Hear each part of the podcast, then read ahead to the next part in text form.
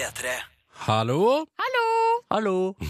Dette er Peter Morgens podkast for Fredag 14. november. 2014. Mm, 2014. Ja, her får du dagens sending. Uh, klipt sammen.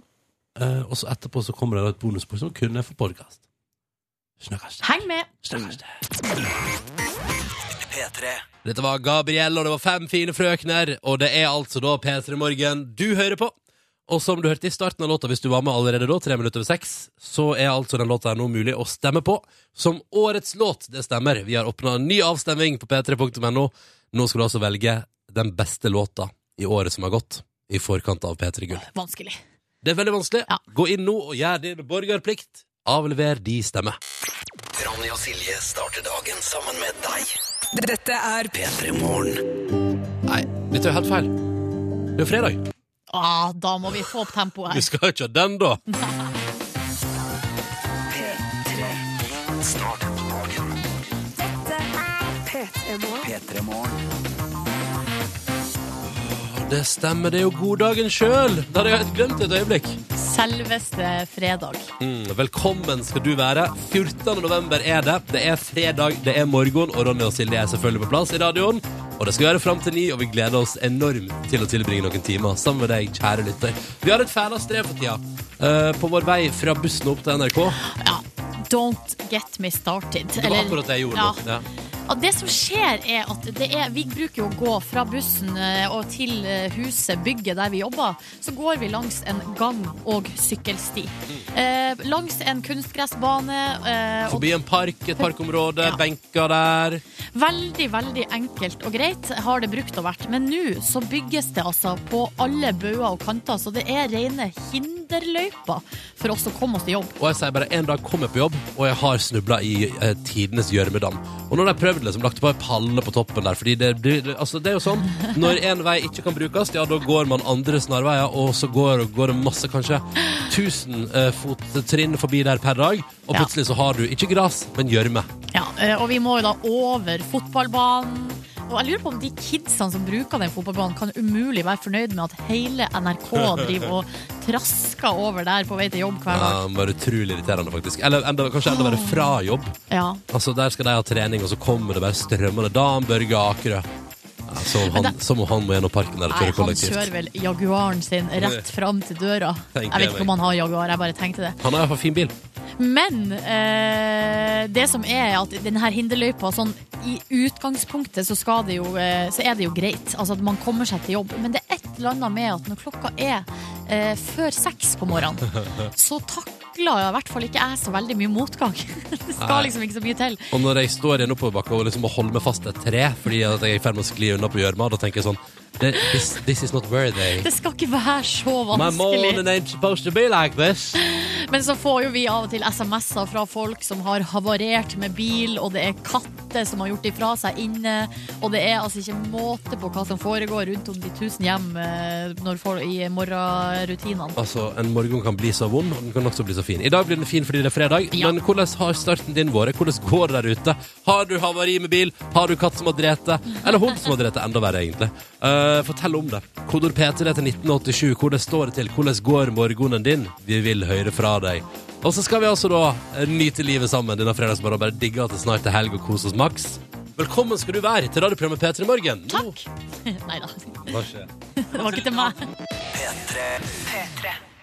Dette var rett og slett Kid Estrada, og på NRK P3 når klokka nå er et halvt minutt over halv sju. God morgen! God morgen og god fredag, ikke minst. Ja, ja, ja, ja. P3 til 1987, vil vi ha deg med. Vi har jo en viss fast tradisjon, og vi tenker at den let seg på en måte best gjøre hvis du engasjerer deg, kjære lytter, og da fortell oss hvordan det står til denne fredagen med kode P3 til 1987. Gi oss din fredagsstemningsrapport. Og der ble mitt forslag til fredagslåt endelig levert eh, digitalt i NRKs musikkarkiv. Det betyr at jeg kan gå for den. Og da, Silje, kan jeg bare melde allerede nå at i dag går jeg for, eh, på fredagsbingofronten, eh, pure, pure indie. OK. Ja, ja. Men det kan også være altså, sånn, Alltid så er det sånn fredagslåt, fredagslåt, så er det sånn høy energi, høyt tempo, et voldsomt engasjement, styr over elevene, ikke sant? Ja. Men, så sånn, men uh, oppbyggerne på en fredag kan også en veldig sjelfull melodi være. Men eh, den kommer straks, fordi jeg tenker at vi begynner med deg. Eh, Ja. Tradisjon, tror jeg. Vi har jo da valgt oss hver vår låt her i fredagsbingoen, og jeg har valgt eh, et låt fra et band som har fått en eh, ny vår hos meg denne uka, nemlig Eva and the Heartmaker. Og låta jeg har lyst til å høre i dag, er for å få fredagen i gang. Ja, det er Gone in the Flash.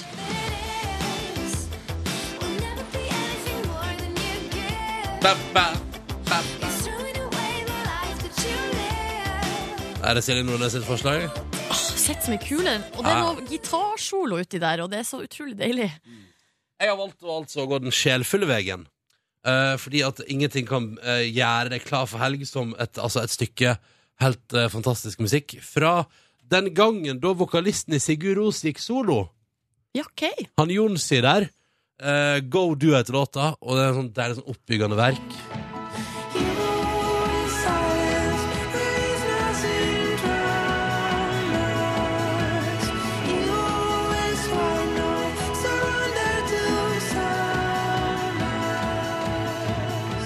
Hører at det er digg, da. Men så kan vi eh, sveve inn i fredagen på en sånn deilig lykkerusmåte i stedet for å gå sånn hardt, hardt dans-dans. Ja, ok. Ja, men det er interessant. Ja! Da det er en finner- spennende fredagsbingo i dag, da, syns jeg. Finn fram bingomaskina. Du, Jeg må si før vi går i gang her nå, skal vi gjøre noe med det faktum at jeg alltid vinner? Det høres cocky ut når du sier det. Jo, men det er jo sant. Ja, det er jo det. Vi har jo da en bingomaskin med noen kuler oppi, og på kulene så står det altså bokstaver fra ordet bingo. Mm. Der har vi valgt oss eh, Jeg har valgt ord, bokstavene B og I. Du har valgt eh, N og G. Og så hvis det blir O, så er det omtrekk. Ja, Men jeg vinner altså hver gang, nesten. ja, nesten. Men jeg tenker at i dag vinner jeg, tror jeg. Så det går bra. OK? Ok? Så vi skal ikke gjøre noe, vi bare lar det stå til. Ja, vi lar det sånn. Ja, du blanda godt, i hvert fall. Det skal du Ja, ha. det skal, ingen skal Sånn, og så kjører jeg en runde til. Ah, der, er vi på to runder. Der, sånn. Da Nå. har vi kule. Ja da. Og da kan jeg fortelle at tallet i dag på bingokula er Silje Nordnes, du har B og I, jeg er N og G, og så er det O som er for omtrekk. Det har vi forresten aldri fått. og bokstaven, eller tallet, er én. Hva er da bokstaven? Er det B? Ja, det er helt riktig. Gratulerer, Silje Nordnes. Så blir det Eva and the Heartmaker med Garden of Flesh. Så da vant jeg igjen. Ja da, det gjorde du. det gjorde du. Jeg gratulerer så mye. Men syns ikke du òg at det er utrolig frustrerende at jeg alltid vinner? Eller jeg syns ikke det er frustrerende, men det er måte, da er det liksom ikke så spennende. Nei. Men det er jo en trekning. Og det ligger etter hva jeg Altså, Men- ut, altså med mindre du har fjerna N og G-kulen oppi her, eh, så ligger det jo masse N og G-kuler oppi her. Men bokstavene B og I er altså velsigna. Det er en N, ser jeg. Ja, jeg, har- jeg har jo telt alle Ja, det, ballene og det er en G, så det, nei, det skal En dag går det, vet du. En dag går det. Men ikke i dag. I dag blir det Eva and the Heartmaker med Gone in a Flash ganske straks på NRK P3. Men først, bli med oss på din SMS-tjeneste. Vis oss eh, hvordan det går på Instagram. Vis oss hvor glad du er for at det endelig er fredag, og for at vi nå skal tilbake til 1999. Vi skal til Sverige skråstrek Hellas. Vi skal til bandet Antik, som gjorde furore. Iallfall lite grann. Med denne melodien her. Det Litt. stemmer. Litt furore! Helga er rett rundt hjørnet. Fredagen er i anmarsj. Og du er der ute, du er våken og klar for en ny dag. Vis oss det og fortell oss hvordan det går. P3 til 1987. Eller hashtag P3morgen på Instagram. Dette her er Antik med Åpa Åpa. P3. Hvor digg er det at det endelig er fredag? Fortell oss om det. P3 til 1987. Dette der var antikk, og det var Åpa Åpa. Og la oss ta en tur inn i vår SMS-innboks for å se hvor det står til der. For eksempel melde eh, Marina på bakeriet. Fy, så sjukt deilig. Endelig fredag. Og nå er også eh, står det her mye mer tuna til oppkjøringa til klasse B også. Lykke til med oppkjøring til klasse B, førerkortet. Dette går bra, Marina. Dette går fint. Lykke til! Mhm. Så skriver Vindmølle-Martin. God morgen, flotte folk. Åpa, åpa. Gleder meg til å reise hjem til å treffe min søster, som også er hjemme i helga. Pils, oh. konsert og godt lag. God helg. Stemninga er på topp eh, hos Vindmølle-Martin. Ja, så deilig. Også her er det lærer Too cool for school står her. Liker den hilsenen der. Da står det først nå på jobb i dag. Benytt anledningen til å danse med gjennom skolen. Det syns jeg er bra. Til Åpa Åpa. Så nydelig. God helg, skriver læreren. God helg, lærer. Og så skriver her er det en som skriver Ja! Åpa, åpa. Fortsatt litt eh, brunfarge igjen etter turen til Granca forrige uke, og det danses på badet. Ha en strålende fredag. Det er altså petrofysiker Ingrid som er med oss. Hei, Ingrid. Og så har vi med oss nok en lærer, faktisk. Eh, det er altså lærer Karo som skriver eh, at eh, hun er i praksis, og hun skriver opp, opp, og det var akkurat det jeg trengte når jeg nå har en time med buss foran meg før det skal undervises i matte i 10. klasse. Lykke til med det. Lykke God til. fredag. Opp. Steffen skriver bare Åpa! Folkens, er så sykt klar for guttetur til Tromsø i dag. Har mest lyst til å sprette Morgan-flaska med en gang. Vær litt forsiktig. Hold Litt. tilbake litt. Grann. Ha det litt piano med Captain Morgan. Og så er det en anonym her som danser magedans på badet. God fredag med smilefjes. Åpa, åpa. Ja, god morgen, du. Eh, og eh, ha en deilig dag. Og så er det en som snart har vært våken. Altså, det er Marte som har vært våken i 24 timer. Holder på å skrive eksamen som skal leveres klokka 13 i dag.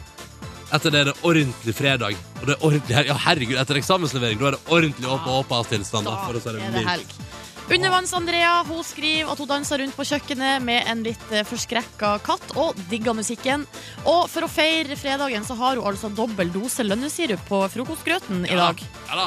Og eh, så skal hun jo, eh, for ikke snakke om reise på hytta om seks timer. Kan man ønske seg mer, spør hun. Åpa, åpa. Åpa, åpa. Og så er det Sledene Sledne Nils. Ja, Er det fra Sagnes? ja, eller han borti forsov seg i dag. Da står der. Men det kommer med åpa, opp før det blir rave to the grave senere i dag, da, tydeligvis. Lykke til med det, Sledne Nils. Kos deg. Og så um, sier jeg bare god morgen, god åpa, opp god fredag. Og det er på tide med da, eh, fredagslåt nummer to for å bygge stemning på en fredagsmorgen. Og det er som vanlig Silje Nordnes som har bestemt fredagslåta. Hva er det vi skal få høre? Vi skal få høre Eva and The Heartmaker med Gone in a Flash. Silje Nordnes serverte si fredagslåt på radioen. Dette der var Gone in a Flash, og det var Eva and The Heartmaker. Så deilig. Utrolig deilig å um, høre den låta igjen. Mer deilig skal det bli her på NRK eh, P3. Straks Tyrannosaurus 6, den nye låta til Lars Vaular. Men aller først nå så tar vi med oss eh, litt grann eh, David Getta og Sam Martin. Mens jeg og Nordnes finner fram avisene. Tenkte vi skulle ta en titt på forsidene der ganske snart. Men først, altså. Denne låta her, når klokka nå er kvart på sju. Vi vil høre hvordan fredagen din er. Kodord P3 til 1987. Eller bruk hashtag P3morgen på Insta. God morgen. P3. Klar tale fra Lars Vaular og hans nye singel som vi spilte for første gang i går. Det var Tyrannosaurus 6 på NRK P3 når klokka nå er åtte minutter på sju. La oss ta en titt på avisene, da. De har uh, forsider ute. uh, og uh, viser, det, viser litt av hva de største avisene i landet vårt uh, skriver om og bryr seg om på sine forsider i dag. Um, hvor begynner vi? Altså, kan bare ta med kjapt eh, at eh, VG eh, har en slags eh, avsløring på sin forside i dag, eh, og forteller hvorfor Anders Behring Breivik flyttes så jevnlig i fengsel. Og det er fordi at han sliter ut vokterne. Ja, Og det bare sånn, jeg skal ikke si noe mer om det enn at det tror jeg på at han gjør. Altså, samme her. ja. Jeg har ingen grunn til å betvile det. Det er helt sant. Eh, videre, altså, det var altså VGs i forside som hadde Behring Breivik Nytt. Eh, Dagbladet, der er det handler det om politiet. Eh, det er en nådeløs dom fra politieksperter, derfor svikta politiet. Eh, blant annet privatetterforsker Ola Tune. Eks-politisjef eh, Hanne Kristin Rode eh, går nå ut. Altså, det er jo etter denne saken i Det har vært flere saker i det siste som har blitt Flere henlagt, eh, der det har svikta litt. Um, Litt. Og de fleste her peker på at det er et problem på ledelsesnivå. Det Mm. er for dårlige ledere, uh, og det er for lite ressurser. Jeg tror på Det kan jeg tro på også. Yes. Vi ser en av ting man tror på på forsida av avisen i dag. Tror du på dette, da, Silje? På forsida av Dagens Næringsliv, og det er faktisk i deres D2-magasin i dag, så er det eh, på det magasinet så er det et sånn eh, svært bilde fra en gymsal av en klasse som har stilt seg opp til et klassebilde, der alle sammen går i enten lyseblå eller lyserosa skjorte. Eh, det er et par innslag av flanell der. Det det handler om, er at eh, Dagens Næringsliv har gått litt i sømmene hvordan ungdom kler seg eh, i 2014, og de melder at den nye skoleuniformen handler om at nå vil ungdom på ingen måte skille seg ut. Kjenner du igjen i dette der, kjære lytter der ute? Se på hva du har på deg i dag. Eh, Har du gått for å blende inn i miljøet rundt deg? Hvis vi ser på oss sjøl her i studio, så sitter vi jo begge da med skjorte av typen flanell. Mm, det er fredag, tross alt. Vi har begge på oss eh, dogeri. Dogerier? Eh, og eh, sko av typen eh, sneakers. Ja. Eh, ja. Fritidssko. Mm. Så eh, her er vi jo relativt uniformert. Men nå begynner jeg å få angst, for hvis at eh, alle kidsa i 2014 begynner å kle seg i skjorte og sånn, og, og skal liksom gå sånn kledd hva, er, altså Er jeg og resten av eh, gjengen som elsker å gå med zip-hoods, er vi i ferd er med å dø ut? Er ziphooden i ferd med å dø ut, Silje Nordnes? Og hva gjør jeg så? Uh, jeg tror ikke uh, hettegenseren eller, eh, og hettejakka er i ferd med å dø ut. Det må, og da kan jo du være helt unik, da, i så fall. Det er sant. Ja. Men Vil jeg skille meg ut? Eh, det er jo det som er det store spørsmålet. Mm. Men det skriver iallfall Dagens Næringsliv om i dag, da, på sin forside. Dagbladet har jo i tillegg til fokus på politi, så har de en svær sak om søvn. Knus mytene om søvn, og de her, det står sånn Her er sannheten. Og nå er jeg spent. Sannheten står altså trygt i Dagbladet i dag. Og det er jo mange av de her vanlige mytene. For eksempel eh, Du kan ta igjen søvn i, hel i, i helgene. Altså Hvis du har fått lite søvn i uka, kan du, Du da kan ta det, ja. igjen? Eh, nei, så jeg spør deg. Uh, ja ja, selvfølgelig kan du det. Eh, det kan du ikke. Det står det. Ah. Nei, du kan ikke ta igjen tapt søvn du har mista gjennom uka. Um, Jo, men uh, likevel tror jeg at hvis du har hatt ei travel uke, det å sove ut i helga tror jeg uansett er bra for kroppen din. Uh, det, Eller vil du benekte det, Silje?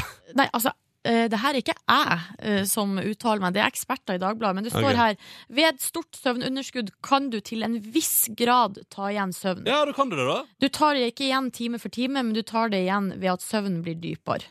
Mm. Eh, men de mener at det ikke er sant. og Du kan egentlig ikke ta igjen tapt søvn. Mm. Men det du kan eller det som står her, da, er litt interessant eh, for unge folk der ute.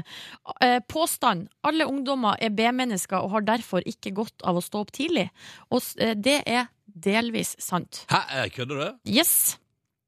Ungdom vil er ofte eh, skal det stå her, Vi har en normalfordeling mellom A- og B-mennesker i befolkninga. Ungdommer vil likevel ofte få en mer forsinka døgnrytme gjennom puberteten. Ja. Det har ikke bare med vaner å gjøre, men også med biologiske endringsprosesser i kroppen. Hey. Eh, er det en professor som sier her. Og det er jo sånn at hvis du, eh, mora di kommer og gnager deg i øret i morgen, Ja, nå skal jeg opp og gå på ski! så kan du si det er en søvnforsker og professor eh, ved Universitetet i Bergen som heter Ståle Pallesen. Han sier biologiske endringsprosesser i kroppen gjør at jeg skal sove nå. Boom. Boom! P3. P3. Dette var Cool Kids, og det var Echo Smith på NRK P3. Fire fine låter, åtte minutter over sju. Hva vi har på gang musikkmessig videre utover? Jo, Guns N' Roses ligger jo klar med ikke altfor lenge med Don't Cry på en fredag. Og så eh, Nick Jonas, han denne uh, Jonas-brotheren, har vokst opp og blitt en slags eh, Ekte artist? Det vil si en slags sexy Justin Timberlake eh, 2.0. Vi skal spille en remix av den nye låta hans der han også har med seg Tina Shay. Den er helt, altså, det, er helt, den, det er altså så suveren låt. Åh, men det, her, det her er noe jeg aldri trodde kom til å skje. At du skulle omtale Nick Jonas som en sexy Justin Timberlake 2.0. Men jeg gjorde akkurat. Du det gjorde det akkurat. Ja, ja, ja. Ah! Nei! Åtte med sju konkurranse, eller? Ja! Ok, da gjør vi det. I denne konkurransen er det kjempeenkelt. Den kan virke forvirrende ved første lytt. Bare, bare ha følgende setning i hodet hvis du hører på første gang. Så lenge det blir svart riktig, går alt bra. Eh? Yes. All right. Vi hilser på dagens deltakere. Og først da til Daniel på 27 år fra Moss. Hallo! Hallo. Hei. Du er allerede kommet deg på jobb, forstår jeg? Ja, Ja. det stemmer. Hva jobber du med for noe? Jeg jobber i en elektrikerne. Så jobber Du, i eh, beklager at Daniel, har du på handsfree nå? Nei, det har jeg dessverre ikke. Der, er der var du tydelig fin! Der var du tydelig og fin. Bra! Der fikk vi ordentlig fin lyd på deg. Så nydelig. Hva, fortell, hva sa du at du jobber med, sa du? Jeg jobber som på en elektrogrossist. Selger stikkontakter og bryter til uh, elektrikere som kjører rundt og jobber. Ja. Ah, nettopp. Og da eh, driver du med det akkurat nå? Akkurat nå så setter jeg kaffekanna på bordet. ja, det er viktig. Men hvilke planer har du for helga, Daniel? Det er uh, Jeg skal få besøk av svigers, og så er det rett og slett bare kose meg med dattera og bikkjer. Ja, Det høres ut som en god plan for helga, egentlig. Ja. ja. Lite svigerbesøk. Spennende. Spennende. Vi har også i dag med oss Ingrid. Hallo. Hei. Du er 27 år og fra Ålesund. Yes. Yes. Og hva gjør du akkurat nå? Akkurat nå sitter jeg på stua og drikker kaffe. Å, det er kaffe i begge ender. Så fint. Ja. Um, hva driver du med etterpå, når du er ferdig med å drikke kaffe i stua di? Etterpå da er jeg ansvarlig for en kursavdeling på Quality Hotel Waterfront i Ålesund.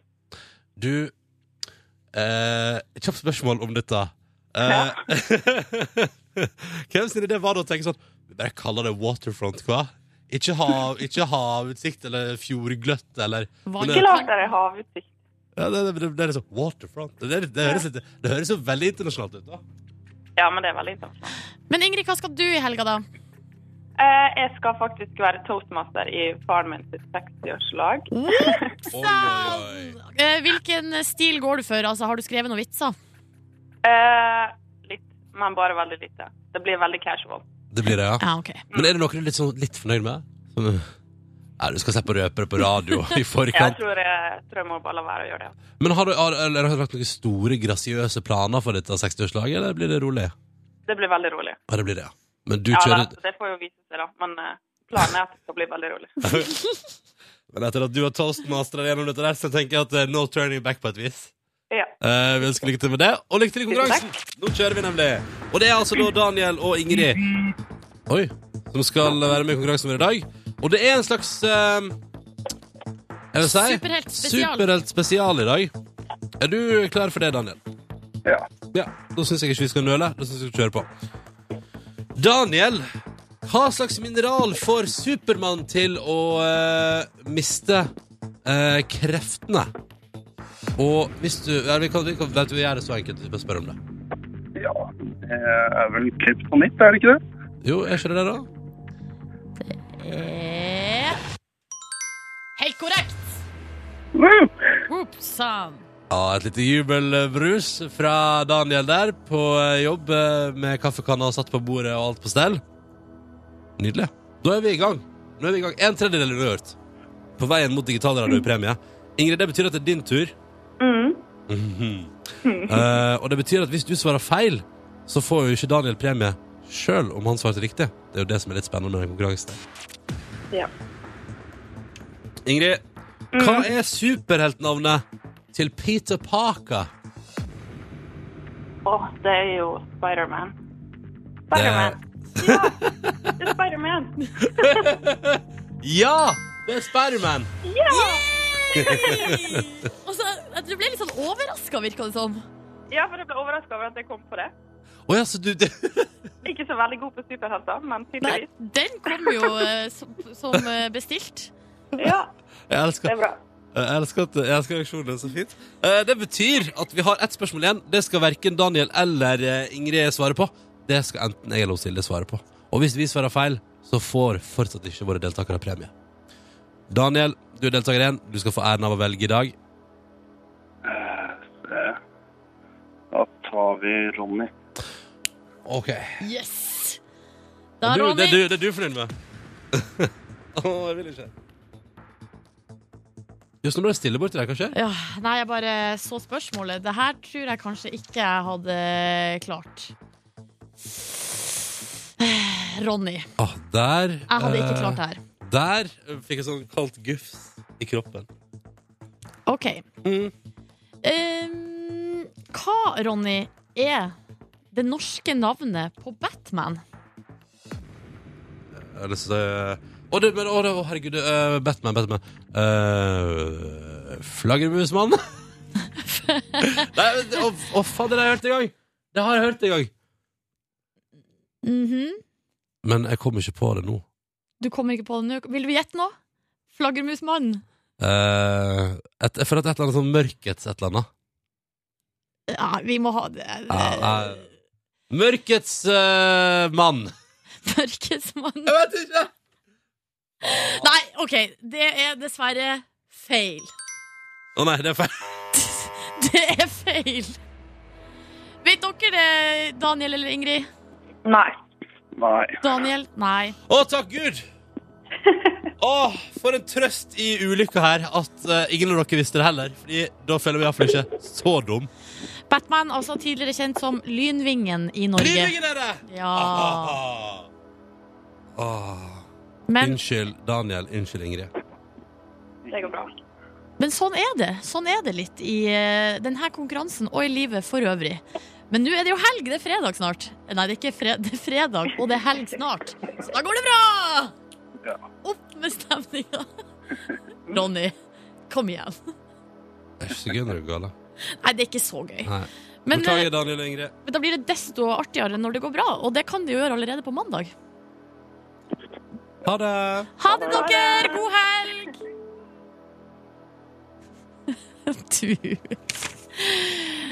Du skal jeg, skal jeg si nav eh, nummeret og sånn, og så kan vi sette på eh, den deilige, sexy Justin Timberlake 2.0 eh, Nick Jonas, som du er så glad i? Kan du trøste deg med den. Det, det, det er alltid vondt. Dette er altså et riktig svar feil. Du, det er helt forferdelig. Men sånn er det. Og vi prøver igjen på mandag, og hvis du har lyst til å være med, ja, så er nummeret for å melde seg på, det er 03512. Og hvis du blir tatt på lufta, må du huske å velge Silje, ikke meg. Ha 03512, ring inn og meld deg på nå! P3. Ja, den avslutninga der er det ingenting å si på. Dette var Guns N' Roses Don't Cry på NRK P3 fem minutter på halv åtte. Jeg liker denne tekstmeldinga som har kommet inn eh, til 1987 med kodeord P3. Er Ronny ca. tre år i hodet? Kanskje det var fordi du ble så eh, snurt og mutt i stad når du svarte feil på eh, spørsmålet. Hva, hva heter eh, Batman på norsk? Jeg liker denne fra Tone, da. Ja, kom den til. er fin. Ja. Batman på svensk er lik Læderlappen. Smil, Ronny, står det etterpå. Ja, det er det, ja fordi det, det er Det går jo helt fint. Eh, Ja, vi er har jo alle her eh, svart feil på spørsmål i konkurransen noen ganger. Det er vondt. Eh, det er kjempevondt, men livet må gå videre. Livet må gå videre. Ja. Og om en halvtimes tid så får vi besøk av hun som underholder deg på eh, skjermen hver lørdag på fjernsynet i serien Side om side. Eh, hun heter Marie Blokhus, Mm. eh, og hun har sendt oss en morgenhelsing. Sine første ord denne morgenen her, de høres sånn ut. God morgen. Ehm, Jeg heter Marie Blokhus. Klokka er 06.40. Det er helt sinnssykt tidlig, og jeg er veldig trøtt. Men nå skal jeg komme av gårde til P3 morgen, så da høres vi. Det er så artig med den stemmen der. Ja, ja. Altså eh, morgenstemmen til folk. Det er så deilig. er-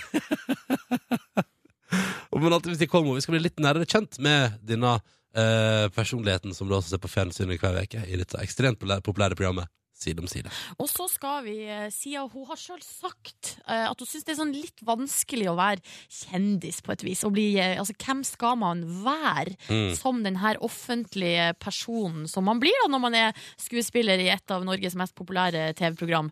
Og da skal vi hjelpe henne litt, eh, rett og slett, med å kjøre quizen Hvilken kjendis er du mest lik? Ja, det finner vi ut av om litt. Yes! Før den tid Markus er klar. Han eh, har funnet ut hva dette programmet her har kommet med med lærdom i løpet av veka som har gått, og skal ha fokus på det eh, om ikke så altfor lenge. Før det, nyheter på NRK P3 om en tre og et halvt minutts tid. Og før det igjen, når klokka nå er to og et halvt på hal åtte. Dette her er Pow Pow, og det er Alpha Waves. God fredag! Fem minutter over halv åtte. God morgen, god fredag. Det er den 14. november, altså. Og dette er P3 Morgen. Og Markus er kommet inn her. Hallo! Halla, god morgen. Ja, hvordan går det med deg, mister? Det går veldig bra. Har jeg litt dypere stemme nå enn det jeg vanligvis har? Nei. Nei, ok, jeg føler det. Men uh, det går veldig bra. Sa han og pitcha seg sjøl opp litt ja, ja, jeg ble stressa og nervøs, men uh, jeg har det veldig bra. Jeg, jeg er ganske sånn trøtt i dag. Det var veldig hardt å stå opp i denne i mørket i dag. Ja. Jeg lurer på om jeg skal legge meg nedpå når jeg er ferdig med å prate med dere. På sofaen ute i kontrollrommet Jeg skal unne meg det, tror jeg faktisk. Oi, oi, oi. Ta en liten powernap på morgenkvisten der. Ja, kanskje det. For en eh, fin ting å gjøre. For en deilig ting å gjøre. Hva skal du i Og helga, da, mister? hva jeg skal i helgen? Jeg skal på fest. Det er en venn som kommer innom fra USA, som skal ha, arrangere en liten fest. Han har lovet masse Fernet og god stemning. Så fin. Han Ja, bare det er- innom en liten tur. Han er bare innom en liten tur. Han skal jobbe. Ungdommen nå til dags. Ja, han skal, han skal jobbe i USA, og så eh, har han ikke fått visum ennå, så må han tilbake en liten tur. Og da skal han fly igjen tilbake dit. Deilig å få bonuspenger og sånn. Det er sweet, da. det Ja, ja, ja. Men jeg hadde en deilig dag i går. da Jeg gjorde noe så usympatisk som å dra på teater.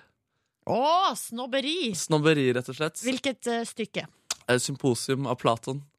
Åh, Ja, det, det, jeg, Du har vel lest om det i Morgenbladet òg, regner jeg med? jeg kjenner at jeg er usympatisk å prate om det også. Men Du, du, hvor gammel er du nå, Markus? Jeg er 23, Ja, men du er eh, den rareste 23-åringen jeg vet om, tror jeg. mm, men, Ja, for- for det, Noen dager spiller du basket med en 12-åring på Grünerløkka. Og en 12-åring som disser deg på basketbanen. det er sånn, Da eier meg totalt. Så jeg Ja. klarer ikke å svare han. Mens andre dager så sitter du hjemme og leser Morgenbladet, og så går du på teater. Og, så, Ja. og innimellom det så spiser, spiser du altså så masse spagetti à la Capri fra boks. Og Det er joikaboller. Joikaboller spiser jeg masse av. Og det- Eh, det- det- Du vet, du er altså så, det er så mye ved deg. Men eh, teater har jeg også sånn forkjempegreie at jeg vil at det skal bli mer folkelig. da At, Ja. at det ikke er så snobbete å gå på. Så jeg var Jeg kan, kan jeg bare få lov til å skyte inn at jeg bare tuller når jeg Ja. kaller det snobberi? Ja, okay. Jeg mener at det, det å gå på teater er, det er bra. Jeg, jeg, tuller ikke Altså, jeg er enig i at det er snobberi. Jeg Eh, er jo, og, jeg er fullstendig enig i at det er snobberi. ikke sant? Og, det, og jeg tror også det gjør norsk teater dårligere, fordi det gjør at teaterne tilpasser seg de, det snobbete publikummet.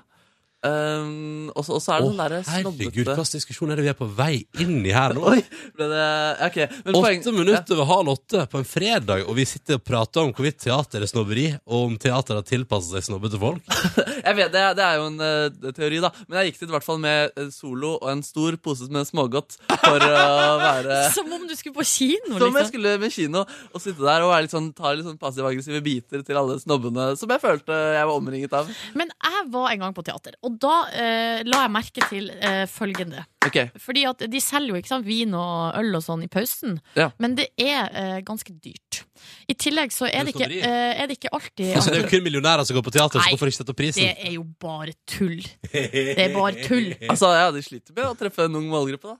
Ja, men uansett eh, så eh, er det ikke alltid man får lov til å ha med seg glasset inn i salen. Det Nei. får man ikke i operaen heller. Nei, okay. Ikke lov å ta med vinglasset. Du må stå og styrte eh, vin utafor i pausen før du skal inn. Så egentlig burde jeg bare selge shots. Egentlig, egentlig dere, så Eller- burde man ha med seg medbrakt. Kanskje, kanskje Fordi de, sjek, de sjekker ikke veska der. Det For det gjør de på Rockefeller og sånn. Der sjekker de veska før du Men, vi- snobber tar jo ikke med medbrakt. Nei, men vi kan jo gjøre det. Så kan vi fære og kose oss. Kan ikke vi starte vårt teater med smågodt og øl og hele deilige Popcorn, stemningen? Og popkorn.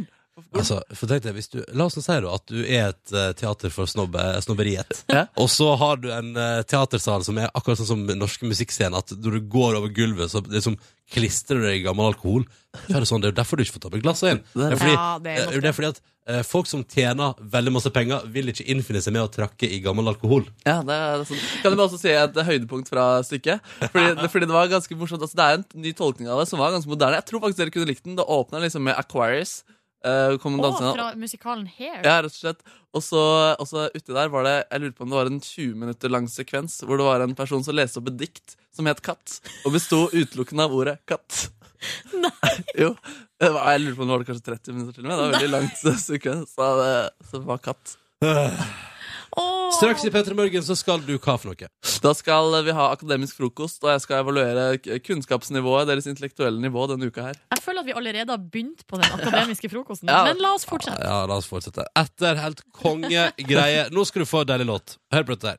Det er alt J. Det er jo, det liker vi alle sammen. Eh, deilig, deilig, deilig. Og så er det remikser av norske tidligere Lido Dido. Nå bare Lido. OK? Og det er han som er Lido, ja? Ja. Ah, ok, fader. P3. Dette er altså Alt J. remiksa av Lido på NRK P3 P3 Morgen. Jeg syns det var ganske så mega-nice på en fredag.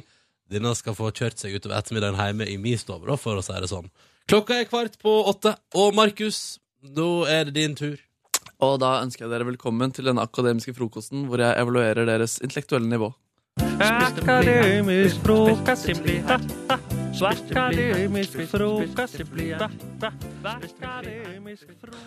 Velkommen. Takk. Eh, Jeg vil først eh, begynne med en uvane dere har når dere ikke vet svaret på ting. Da lager dere noen groteske lyder som dere bare må venne dere av med en gang. Her skal Ronny fortelle Eller her, her er han midt i en tankeprosess om hvem som er årets liveartister i P3 Gull, og han sliter. Og hør på disse babylydene han kommer med da. Og det siste.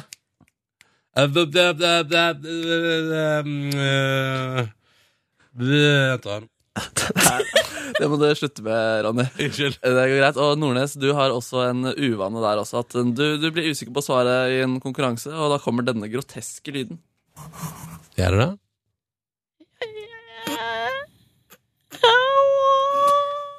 Det er ganske ekkelt, syns jeg til og med. Så det, det, det, så er litt interessant. Det er Ronny høres ut som en baby, du høres ut som en gammel dame. Det kan vi ta med oss. Eh, Heretter så følger det en liten eh, Nordnes-spesial. Det er nord, altså, Nei, jeg- jeg- igjen! jeg, jeg, jeg, jeg elsker at omtrent hver eneste uke handler om Silje Nordnes. Det setter jeg veldig Og denne uken er det Silje Nordnes eh, på godt og vondt. Eh, Du er jo P3 Morgens sosiale medieekspert, Ja. og nå har du gjort en ganske oppsiktsvekkende observasjon av ting som foregår inne på Facebook. Ting som jeg har lagt merke til i det siste på Facebook, er at venn, folk som jeg er venn med på Facebook, kommenterer eller liker eh, bilder eller statuser. Og det kan folk eh, ta med seg. Da har dere lært det. Eh, du har også fulgt litt med på sjakk og funnet ut hva, at, at sjakk ikke er et, er et fysisk spill. Du, det, jeg skjønte at det er så mye sånn der psykisk spill rundt eh, sjakken. Eh, sjakk er et psykisk spill. Og du kan også fortelle oss hva Tyrannosaurus rex er. Tyrannosaurus Altså- rex er jo svær og Ja. farlig. Ja, han er svær og farlig, og det var det vi lærte av deg. Og det skal du få bonuspoeng for. Men videre så går du til å bli barnslig igjen. Ok. Du blir Nei, ikke ennå! Ikke ennå, ikke ennå, ennå. Det, det som er, er at ehm, du, du, du bruker det engelske ordet for suge, uh, søkk, og forteller om personer uh, du har uh, søkket eh, på, og ting du har søkket på. Um, er, du, er du klar der, Ronny? eller? straks klar. Nei, nå er jeg klar. Nå er jeg klar. Ja. Og så gikk jeg inn til og bare søkte på Eva and the Heartmaker. nei! Og det syns jeg ikke noe om at du plutselig skyter ut med, og du blir enda mer pervers etter hvert. Ja, så søkte jeg også på en sko. Og så søkka på en sko. Og det er ikke det eneste du har søkka på. Så søkte jeg på en uh, stripete vase. Og det lager ikke fine bilder i hodet med folk. Så derfor, jeg syns ikke det her er uh, innafor. og jeg måtte ta opp dette med deg, og da, da forsvarte du deg selv, og jeg godtar unnskyldningen. Skal vi gjøre det nå? Ja. Hvis jeg bare sitter og søker på eh, vaser, blomstervaser altså, og eh, joggesko, så er kanskje ikke det så farlig. Nei, og det er ikke så farlig, men hold deg unna Eva and the Heartmaker. Uh, så, så jeg skal være litt grei Ja, denne altså, uka jeg er jo ikke en homewrecker heller. Du er ikke en homewrecker heller, altså. Um, så, så eh, begge dere to får faktisk tegnetime denne uka her. Dere Hurra!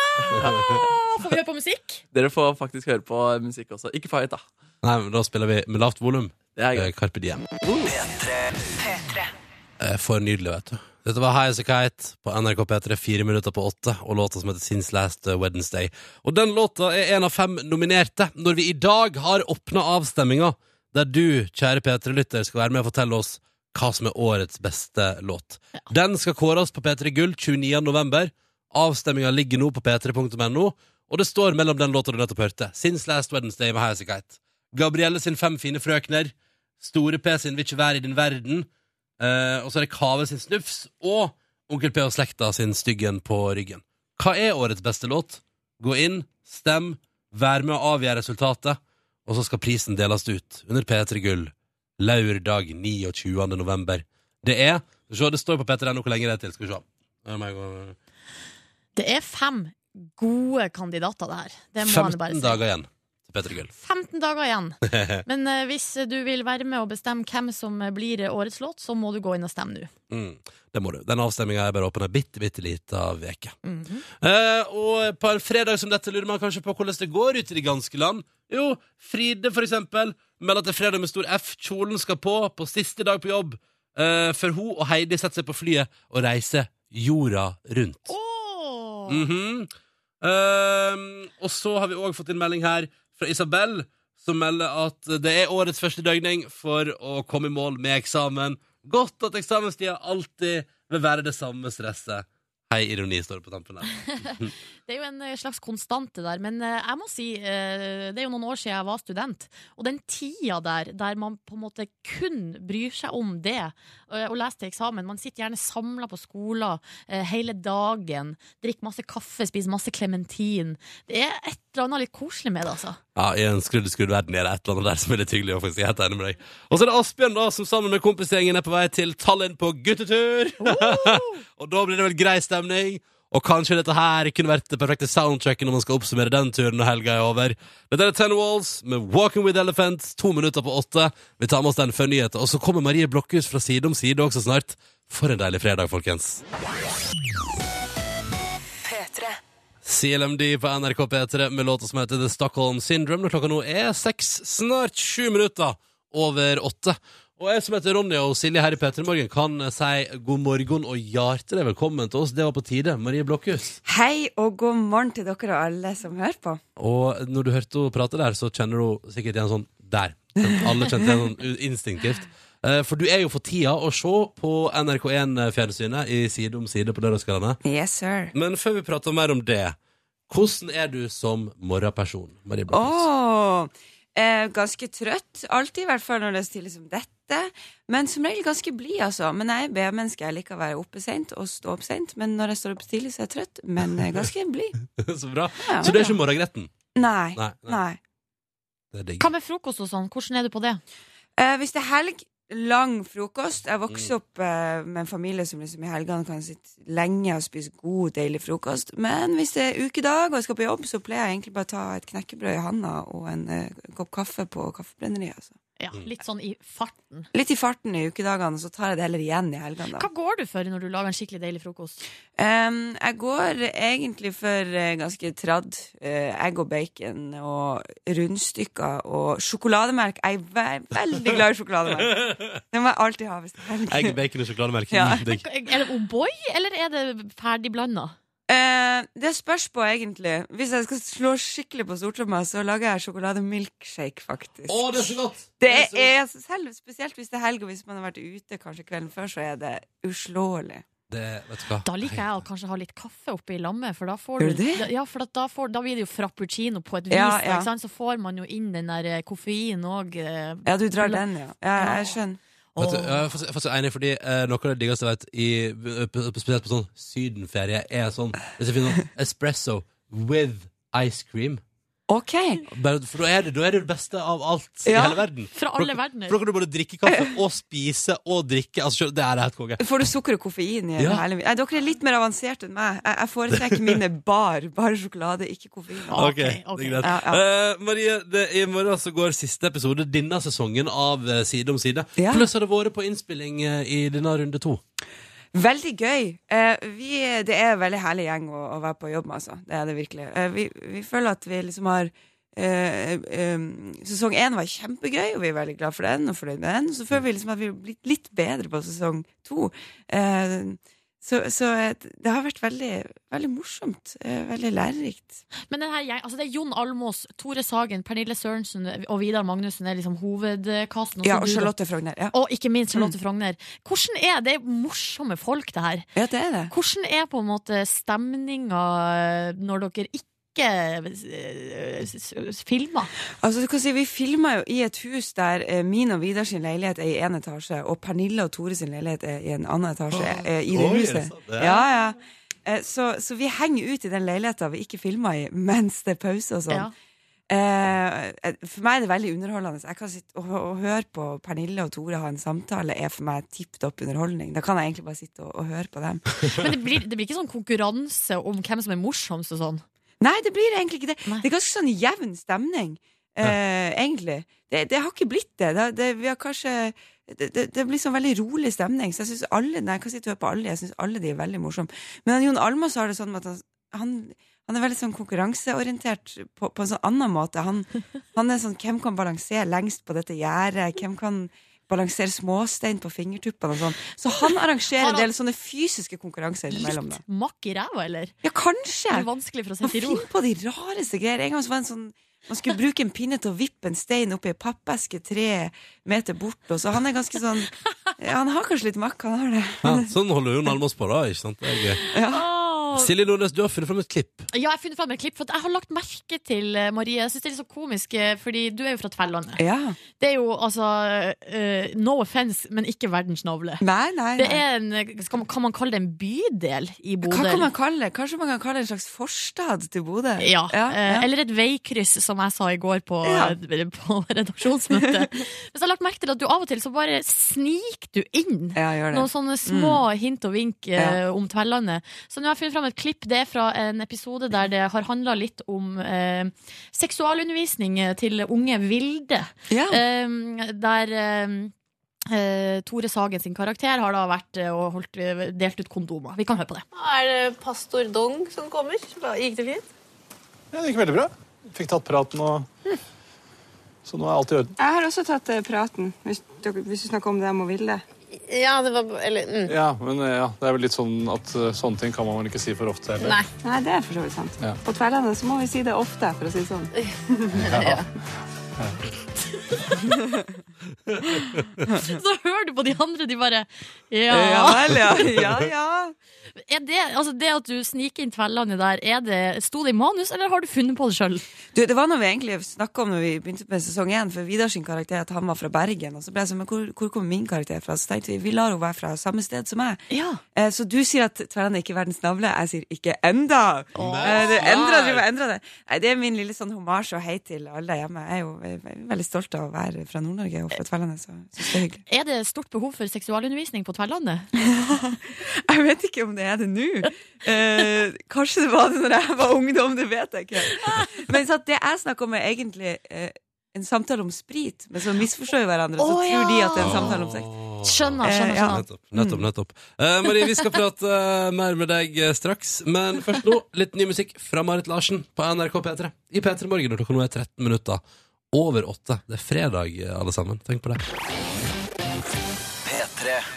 P3. I Do It All Again heter låta. Her remiksa av Apotek. Dette her er Marit Larsen på NRK P3. Deilig, deilig. 16 minutter over 8. Og her i P3 Morgen har vi besøk av uh, Marie Blokhus. God morgen. God morgen. Og god fredag. Ja, i like måte. I morgen er det altså siste runde med Side om side i denne omgang yep. på NRK1. Eh, og du er jo for lengst i gang med andre prosjekt, du, da. Ja, jeg er jo det. Dette spilte jo vi inn uh, i, i vår, så det er jo litt en stund siden vi, vi spilte inn uh, det, altså. Mm. Mm. Eh, nå spiller du i Hamlet. Stemmer. Du spiller jo ikke bare i Hamlet, du, du er selve Hamlet. Ja. Altså prins eh, Hamlet. Prins Hamlet av Danmark. Mm. Men eh, det det er jo en gutt. Eller en mann. Ja, det er foreslått av forfatteren eh, å bli spilt eh, av en mann, eh, men det har ikke vi tatt så mye hensyn til, egentlig. Nei. Og så spiller mannen din, Frank Kjosås, han spiller da Ofelia, som er på en måte Ja. Ja. Eh, Det er jo eh, Hvordan er det? Det er kjempegøy. Jeg er veldig veldig glad i å jobbe med Frank. Eh, ikke fordi jeg er gift med han, men fordi han er en helt spektakulær skuespiller. Så det er veldig, veldig gøy. Er dere hverandres største fans, på et vis? Ja, jeg vil egentlig si det, altså. Det blir kanskje en klisjé, men, men vi er virkelig det. Det er også ganske kult å være sammen med noen som man beundrer så høyt faglig. Men det der med å være gift og jobbe sammen, er det helt uproblematisk? For oss er det det. Det er jo sikkert forskjellig fra par til par. Eh, for oss er det fint. Eh, vi, uansett om vi ikke er i stykker sammen, så, så er vi alltid hverandres eh, største støtte, og også sin, hverandres største kritiker, vil jeg tro. Mm. Så vi er involvert i hverandres sine roller, uansett om vi ikke er i samme stykke. Så det føles ganske naturlig og ikke så veldig nytt for oss på, på den måten.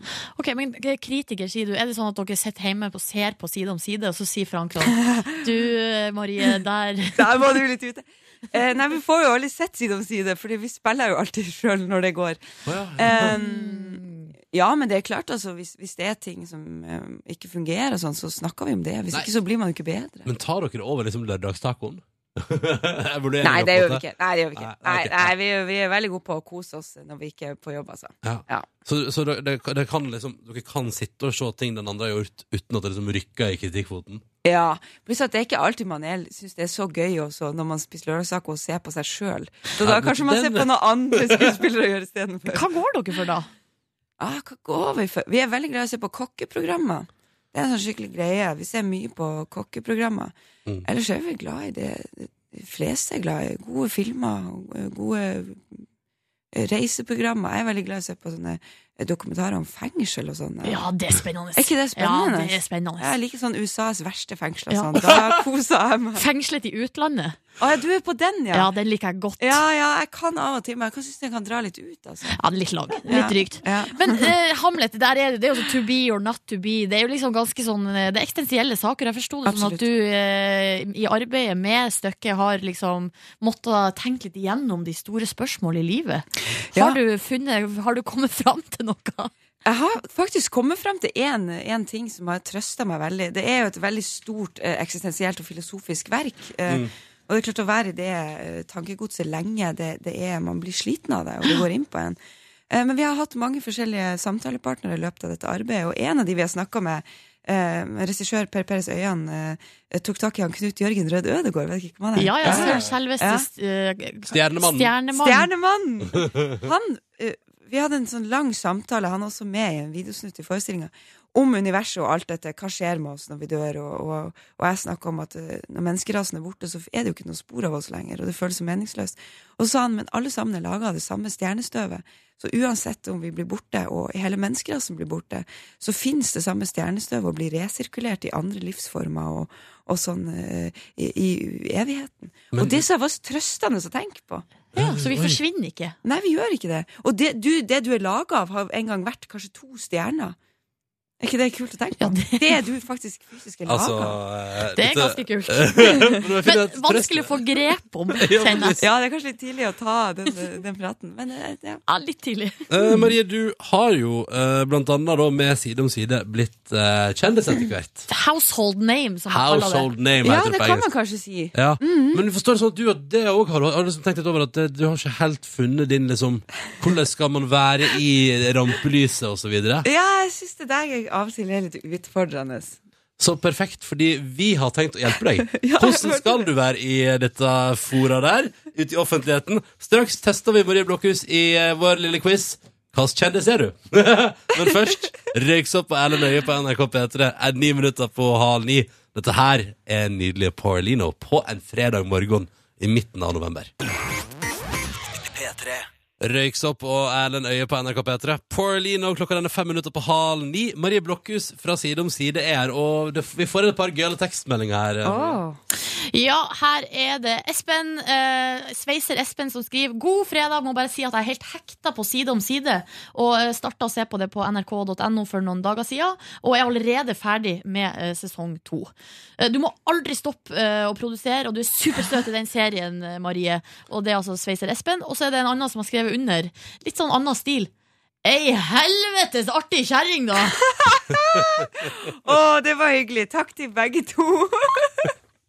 Jeg synes det er fint. Det er to helt forskjellige måter å uttrykke seg på. Ja. Yes, det er Um, det Men Marie, du har tidligere uttalt at du synes det er litt sånn Det der må bli et navn i offentligheten. Du er jo eh, en av stjernene i en av de absolutt mest sette seriene på NRK og på nrk.no. Mm. Eh, og så vet du ikke helt hvem det er som skal være i det offentlige rom, så vi i P3 Morgen har planer om nå å hjelpe deg.